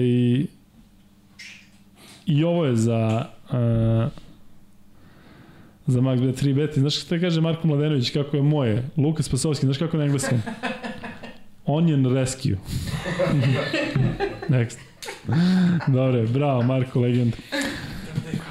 E, Marko Šišić, Sejo Kalč. Da, da, može. Mogu bi Harbor Rescue. Jeste. Čančar nije, Dončić nije, e, nije druga runda, ljudi. E, pa iste sad ovaj korak. Ajde. Igrač istog prezimena, kao ova zagnutna ličnost, je igrao u Zvezdi kada je trener bio Muta Nikolić. E, da vidim sad ko je ovde. Ko je ovde ko? E, Sećaš kada je Muta bio u Zvezdi? Mm. Ne sećaš se te ekipe Tica i ostalo. On je otišao iz budućnosti u Zvezdu. A vidiš da se ipak sećaš, kao ne sećam se... Ne, ne znam ko igrao za Zvezdu. Mislim da je Vujanić igrao, jedino koga pamtim Vujanić. I bila je legendarna konferencija kada je Muta Nikolić izašao i rekao vuku mi se igrači po terenu. I onda su pitali ko i onda je on dao primer i tog igrača, reče naravno Amerikancu. E, dakle, ko se seća, ko se seća ovoga, zaista svaka mu čast. E, I evo da bude e, treći, treće treća asocijacija, dakle, momak je završio uh, univerzitet Iowa State, dakle, ova naša zagonetna ličnost, a kažem isto, Isaiah Morris. I Srki pokidao si. Svaka čast Srki, Isaiah Morris je, uh, odnosno nije Isaiah Morris, Isaiah Morris igrao tada. Monte Morris je tačno, da. Monte Morris, Milan Milanović, a Isaiah Morris jeste ovaj koji ima isto prezime kao, kao Uh, uh, kao Monte Morris i hteo sam da posljednja asocijacija bude uh, to što je zaista dočekao Jokića i zaista su ga fantastično prigrili Jokić i Gordon, videli ste kako je to izgledalo, Monte Morris je bio bitan faktor u Denveru do prošle godine i onda je otišao u Washington, meni iskreno drago, zato što je naplatio, ja mislim da on ima jedno 10 milja po sezoni i neka ga, jedan od onih igrača koje je Jokić uzdizao, koji su možda do tog nivoa, do, do dolaska u Denver bili na nivou između NBA G ligi i NBA lige, tako da kažem, momak kažu da je fenomenalan i svaka mu čast, neki igra za Washington i siguran sam da ga u Denveru pamte po dobro. Tako da danas smo bili pet free betova, četiri ona u vezi ovih e, zagonetnih ličnosti, pet asocijacija, dali smo Ivanu Horvatu, iako je on bio drugi, tako da e, iskoristit ćemo ovo i sada e, zadnji deo emisije da malo ćaskamo sa vama, slobodno možete nam postavljati neka pitanja, umeđu vremenu mi ćemo da vam kažemo šta to spremamo za subotu, dakle, nije što je naše i možda zvuči malo prepotentno, ali zaista spremamo spektakl gde će e, biti pre svega e, želja da se vidimo sa vama i želja da skupimo što više novaca za ljude kojima je to potrebno, bit će kutije sa, sa e, posterima iz Budi Human, gde ćete moći da donirate, imaćemo veliki broj nagradnih igara, imaćemo e, veliki broj poklona za vas, biće klope, biće pića, biće svega i svačega. Još jednom da pomenem, dakle 17. jun na Adi, na onom ograđenom terenu, dakle koji se nalazi posle rampe kada nastavite pravo i uh, kada praktično uh, hoćete da idete na one otvorene terene, košarkaške i odbojkaške, odmah sa desne strane, e, kada recimo idete prema Ada Safariju, e, možete da vidite e, to i kako se razumeo, već će biti nekih putokaza, pa ćete se lako snalaziti. Luka, da li misliš da je Lazarević korisniji od portera? Mislim da je svako korisniji od portera. E, igrao sam pre neki dan basket sa drugarima mog sina i mislim da svi oni koji su igrali da, da bi mogli da više doprinesu nego porter. e, zato što je momak stvarno ovaj, e, nekoristan, ali takođe mislim i da e, će da se provodi u nastavku serije, tako da je, da je ovaj, e, pa je sad ovo, slušaš, Mm -hmm. Luka, ja sam već dobio, samo sam probao pogoditi Milan Milanović za asocijaciju, tako da on da je on ove nedelje već imao jedan free bet A lepo si objasnio. Ali pazi, Ali priznao. slušaj. Milane, ti si car, zato što si priznao crno-belo i kaže Luka daj novu asocijaciju. Uskoro ćemo novu asocijaciju, može. Milane, svaka čast na poštenju. E, Luka, petak na subotu je Miami. Petak na subotu je Miami. U subotu, čekaj. Sad ćemo da vidimo. To bi onda značilo da mi već sada moramo da, da molimo ljude da nam dođu petak na subotu. Ne, da ostanemo ovde. Pa da, samo nastavim. Ali pazi ono, možda 99 yardi radi pa ćemo morati da kasnimo, znaš, ono. Saturday, jun 10. 02.30. Pa znači petak na subotu. Da. Tako? Da. Ništa, mi ćemo raditi Četvrti u meč subotu, petak mi ćemo na nedelju da radimo. Jel se prenosi sutra NBA? Ajde možemo da stavimo pol da vidimo šta ljudi kažu. Ako bude preko 90%, onda ćemo morati da dođemo Ako za bude da preko imamo 100%. obavezu. Šta? Preko 100. Da, glasi ti za ne, da budemo u ovih, da, da, da u ovih 10% bude jače, tako da klikći tu. E, evo ga, D26, V21, zanimljiv nadima, kaže Porter Kant. Hvala ti, Burazer, što si ti to rekao, da pa nisam morao ja. E, Jel mogu da kažem šta nas čeka sad u ovu subotu? ajde. Uh, u subotu i nedelju je manifestacija Kož za Mihajla, organizuje Matarska liga Srbije, momci koji su pre svega zaljubljenici u košarku, a Luka i ja ćemo biti deo cele, cele te priče, pa samo da pročitam kakva je mani- manifestacija, to jest kada počinje u 3 sata, u subotu je početak tog humanitarnog bazara, bit će puno neke, nekih dresova i opreme koje se prodaje i naravno svako ko želi da pomogne organizaciji Budi Human, u ovom slučaju Kož, Mihajlu, može da kupi nešto od tih interesantnih stvari koje se tamo nalaze. U 16 časova je prvi nastup kulturno-umetničkog društva, u 16.45 prva polufinalna utakmica, 18.30 humanitarna utakmica s poznatim ličnostima. To ćemo ja i ti da igramo jedan protiv Jedan drugog. protiv drugog, jedan, da, jedan. da. Pa ćeš da vidiš Preko ti celog, sad. a? Da, to je u 18.30, u 18.31, pošto ćemo toliko da izdržamo. U 19.10 drugi nastup kulturno-umetničkog društva i u 19.50 je druga polufinalna utakmica. A onda u nedelju u 11. je otvaranje, u 14 časova je utakmica za treće mesto, u 15.40 takmičenje u štiranju trojki To mi reci. i u 16.30 opet ja i ti nastupamo, ali kao uh, komentatori finalne utakmice. I u 18 časova do 18.30 svečana dodala nagrada i zatvaranje sezone. Sve Ovo je sve to... novo za mene. Ja sam u subotu i nedelju planirao da budem ceo dan Adi, tako da ovo što mi Kuzma iščita, ovaj, Samo dođi pa šal na stranu. Dakle, u slud, na slodes, Ovo je plan, ovo je plan B. Da, on je, on je to mislio da bude asocijacija, on sad sve tako posle. Sve u Slodesu i dođete, gledate i družimo se i onda se nastavljamo se družimo na tamo nedelju. Subota i nedelja, čuli ste, ako se razumeo, u pola tri, ali dođete vi ranije, pa nas čekajte. Šalim se, dakle, Kuzma ja ćemo biti deo tog programa i igramo i šutirat ćemo trojke, ako nam dozvole, ali ćemo i komentarisati tu Nećemo e, pogađati, samo utakmicu. ćemo šutirati. Tako je, o tablu, gađamo se o tablu. E, Luka, ko ti je favorit u finalu ABA lige ako se bude uopšte igralo? E, iskreno mislim da je Zvezda trenutno u boljoj formi, ali nadam se pobedi Partizana, reći potpuno iskreno.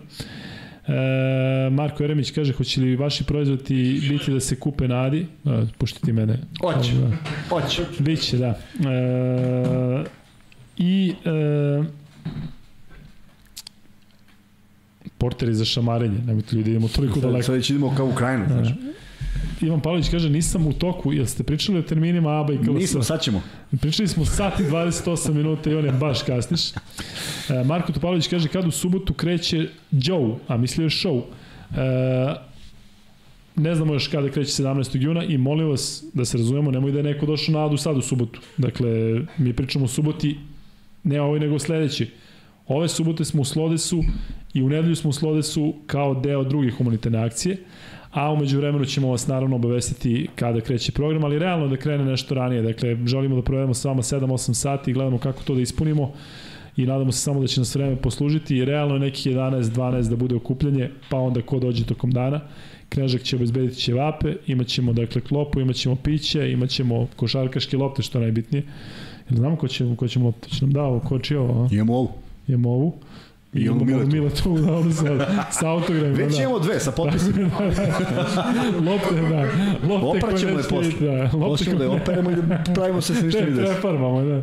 Tako da, ovaj, e, bit će tu i momci e, koji igraju za Singidunum, je li tako? Biće, biće 3 na 3 u košaci u kolicima, verujem da će doći makar dve, ako ne i tri ekipe, imamo i dva terena, jedan je tartan, na kojem inače jako teško ovaj, funkcioniše igra u kolicima, ali zato ima onaj pomoćni koji je na tačno onoj podloži, podlozi koja je za basket i to su jedan, jedan teren do drugog, tako da je pristupačan i moćemo da gledamo i jedne i druge, a verujem da ćemo imati i dve kamere koje će, jedna će beležiti, jedna će biti stabilna, a druga će beležiti sve što se dešava i želimo da napravimo intervjue usput sa svim ljudima koji dođu da kažu nešto ako žele, jer želimo da taj događaj bude zabeležen u nekom live-u i da imamo za uspomen. Ljudi, svi ste pozvani, dakle, momci Da, koji su kupili dresove i imaju odštampane ona imena, dakle, oni će biti deo utakmice, ali utakmica će biti samo jedan ajde da kažem, manji deo, dakle, nećemo ni tamo da je nešto grumamo dva sata i e, želja je da se družimo, da pričamo i kažem još jednom samo da ne pada neka kiša, ali tu imamo opciju doneće organizator neke suncobrane pa ćemo da se nabijemo ovaj, po to i ovaj, e, to je to. Vidimo se 17. juna, obavestit ćemo se u koje vreme. Luka Mišljen u Kristinu Brownu.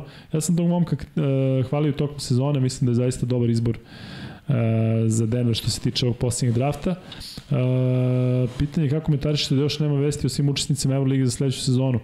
Najavila je to. Euroliga, da, da, da, da smo se nadali da će biti ranije, jesmo, ali Bodiroga je tokom Final Fora koliko znam izjavio da će e, odluka biti donesena krajem juna, tako da očigledno čekaj, da se završi. još ta jedna vest koja je odlazak Glikmana, što je potpuno Jeste, da, iznenađujuće, tako da verovatno zbog svega toga to ovaj, i dalje stoji. Mišljenje gde će završiti Milutinov, ja mislim da bih mm, bio presrećan da dođe u Partizan, ali mislim da nije realno. Pominje se Olimpijakos. Mišljenje Lukinu Kuzminu Todosić, da li bi odgovarao Zvezdi? E, Ja mogu da odgovorim u Kuzminu ime, on ne voli kada ti veterani, veterani dolaze, tako Kuzma, kad se vrate onako malo istrošeni, jel tako? Ali ako bi neko možda mogao da doprinese Zvezdi iz te, da kažem, generacije, iako nisu svi istogodište, Teodosić, Bjelica i ostali, mislim da bi Teodosić možda bio najbolji zato što igra na toj poziciji gde nije možda potrebno da, da leti po Bez terenu. sumnje, ali ima, ima ugovor Jeste. i ono što smo konstatovali na početku, nekako mislim da je u svakom smislu prijatnije igrati u Italiji i živeti tamo bez toliko pritiska i svega ovoga što se dešava ovde. Pitaju gde će preći Mirotić, ali bi volao da ga vidiš u Beogradu? Kao Da, ali igrača jednog. mislim da nije izvodljiv. Ja mislim da jeste. Znaš zašto? Mm. Što ćemo mi da krenemo ovde da skupljamo donacije za Mirotića, E, pa ćemo onda je da ne doprinesemo, izvodljivo, nego je da. preizvodljiv. Da, a, tako da ono... Ako postoji šalimo- tako nešto. E, e, šalimo se, znate da imamo na Paypalu ono kao recite za koga, da li je za nas ili u dobrotvorne svrhe, sad šaljite i, i Polaka Mirotić. Tako da ovaj da dovedemo Nikolu koji je zaista Imamo vremena da mi polako skupimo. Jeste, da.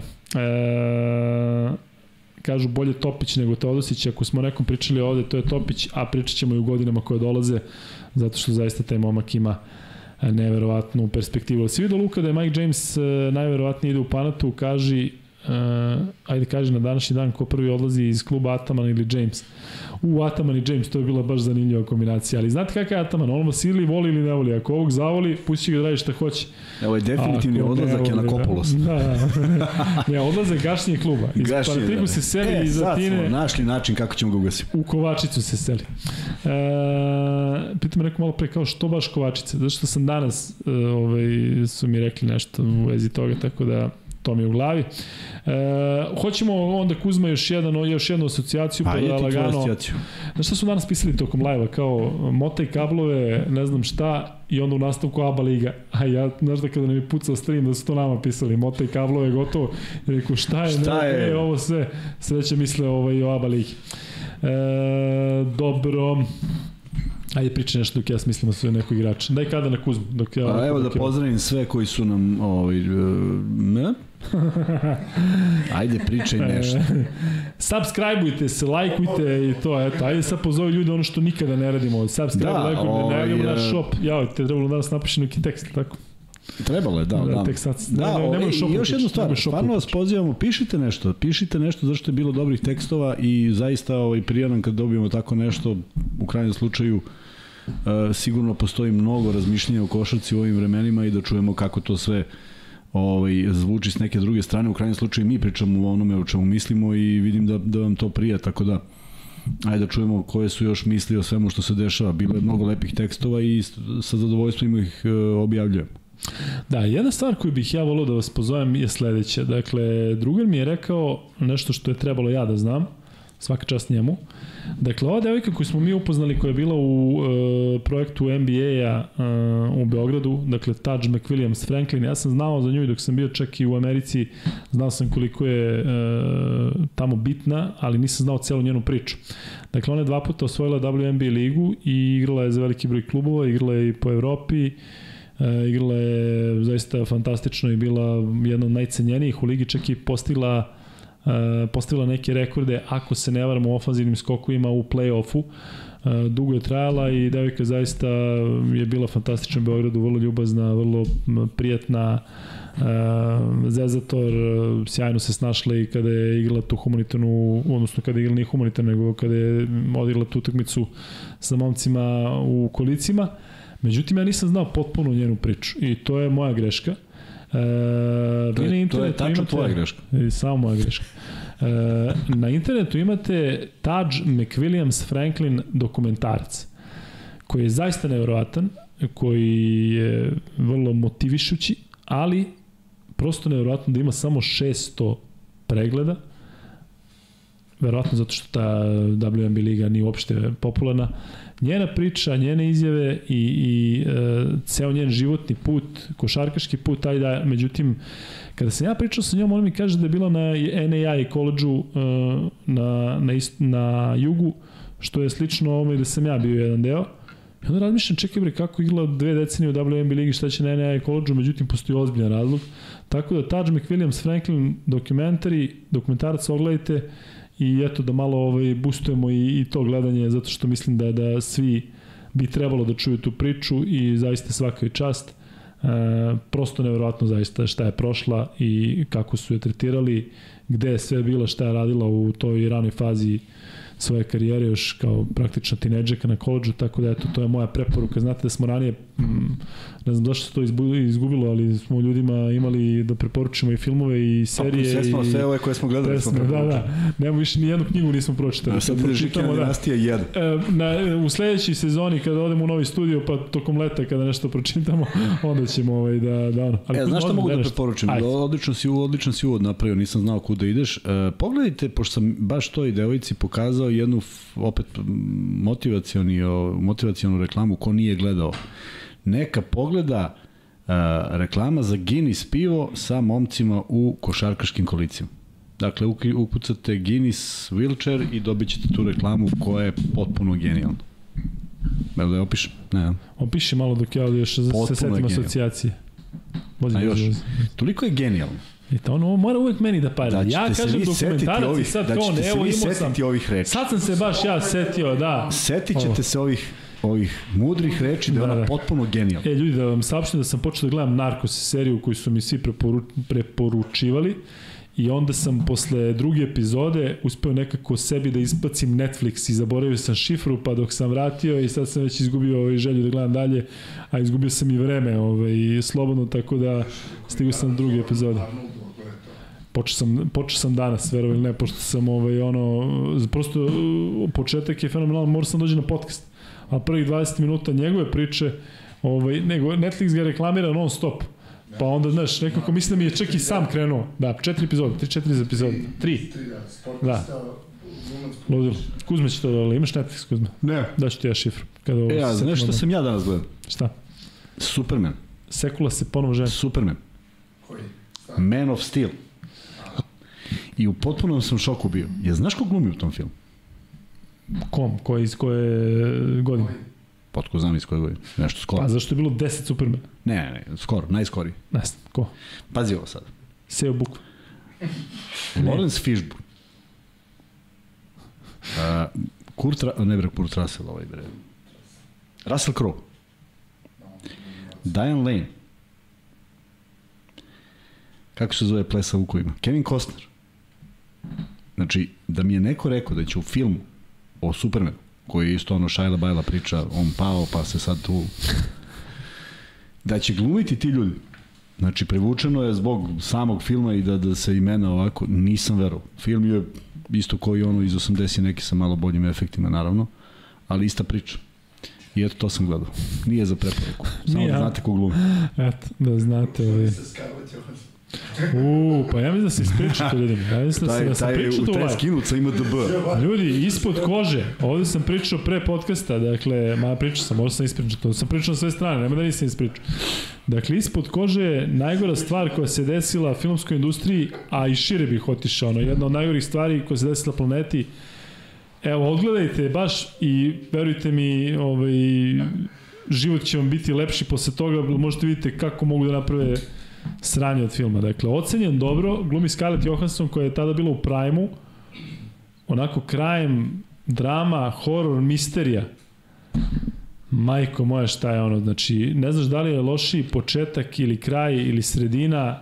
Znači, bukvalno sam se nadao da će da nestane struje u tokom filma. Nestalo je struje pre nekoliko dana i rekao daj sada da ono sve odjednom se ugasi prosto nevratno. Vidim da ovde komentarišete šta mislimo Nole Đoković, Kuzma, ćemo malo sa košarkašu da pređemo na tenski podcast, bar kratko, zašto je to najaktualnije sportsko... Kako da nećemo, pošto smo stručnjaci u tom segmentu.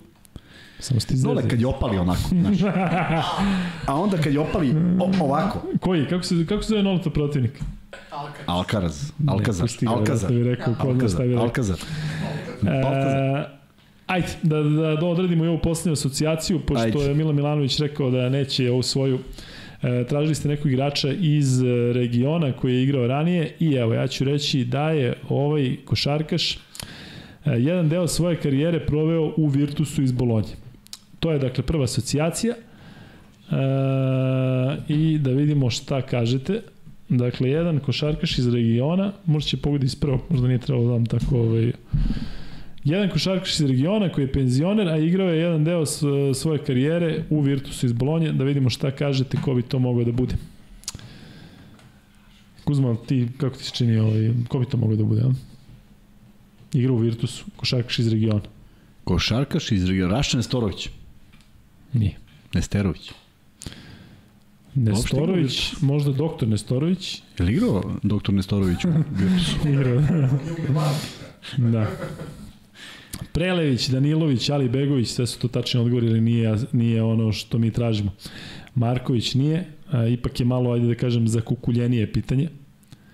E, sledeća asocijacija je da je e, rođen 79. godine.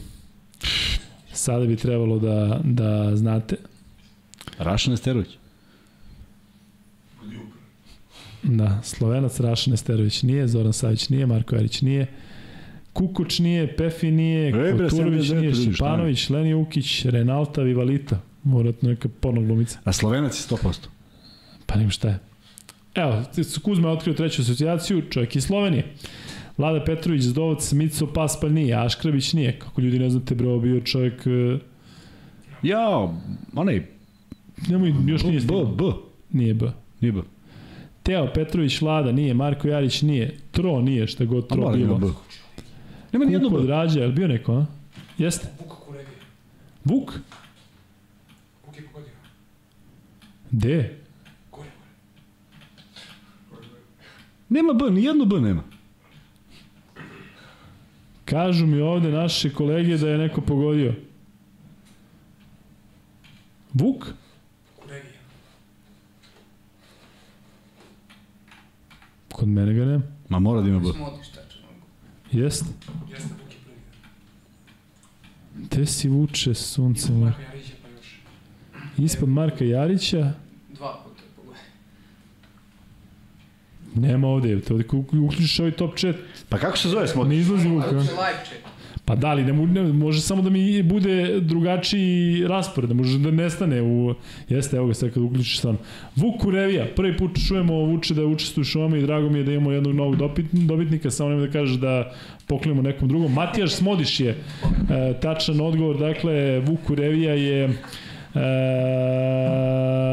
neko ko treba da pošalje svoj MaxBet nalog na lukekuzme.gmail.com E, sada bi mogli stvarno da privodimo kraju, s tim što ja imam još jednu stvar, aj ti prvo imaš uvijek Ne, nešto nemam da došliš. Ali sad će, sad će da sačeka mene, pa će onda on. Znate šta sam mislio da vam kažem? Hoću da kažem e, nešto što je vezano za tenis, a nije vezano direktno za ovo što nas čeka sutra, mislim da će biti spektakl između Alcarasa i Đokovića, mali je zaista fantastičan.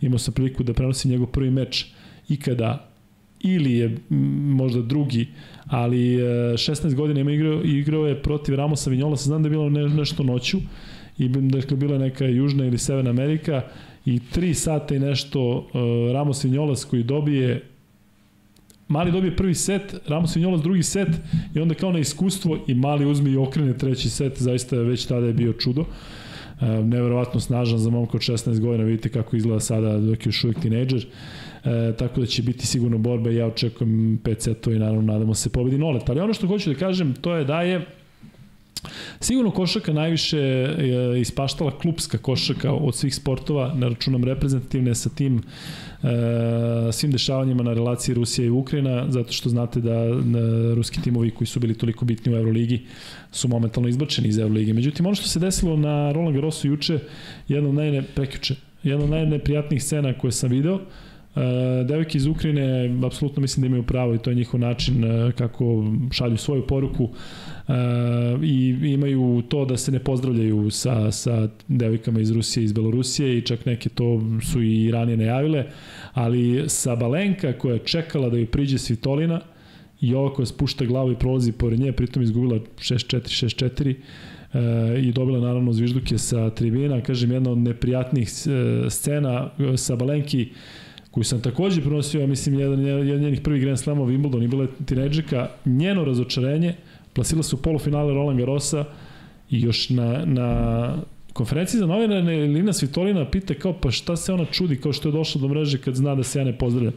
Apsolutno mislim da je postoji neki drugi način, bar da ju klimne glavom, da ju pokaže ovako, ako nema, ako želi da, da to simbolično kao i ne pruži ruku, ali ovaj, e, to radi isto i Kostjuk, radi još neke devojke iz Ukrajine, apsolutno se ovde ne stavlja ni na jednu ni na drugu stranu, ali sa Balenkino razočarenje u tom trenutku kada čekaš ono da pozdraviš prijateljicu, pošto su njih dve čak dobre van terena, dakle, prosto neverovatno da sada kao tako ovaj, se odreaguje. Eto, to je nešto što mi je ostavilo ovaj, utisak i malo smo možda svi zaboravili na ta dešavanja ratna, zato što su onako već postala, da kažem, eh, normalno toliko dugo sve to traje ali eh, eto, utiče i dalje na sve i nažalost između ostalog i na sport. Eto, to je ono što sam ja hteo da kažem, a ti Kuzma sada dovrši.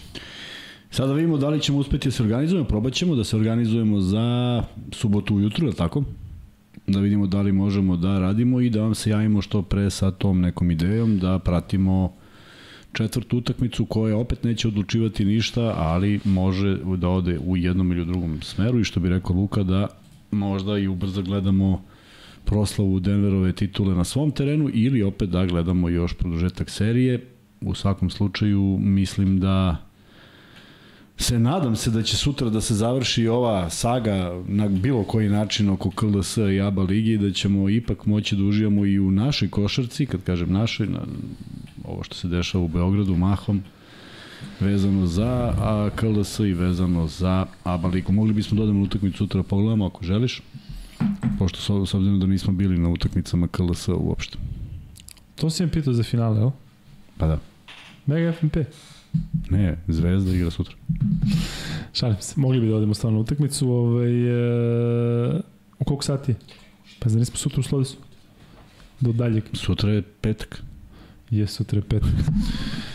Da, uh, Kuzma, A nemoj kraj, sutra dodeš u Slodesu. Da, za kraj samo hoću da te pitam ne čemu se nadaš, nego šta očekuješ da će se dešavati za vikend što se tiče, za petak i za vikend što se tiče ovog KLS i ABA. Jel, si optimista da će se rešiti?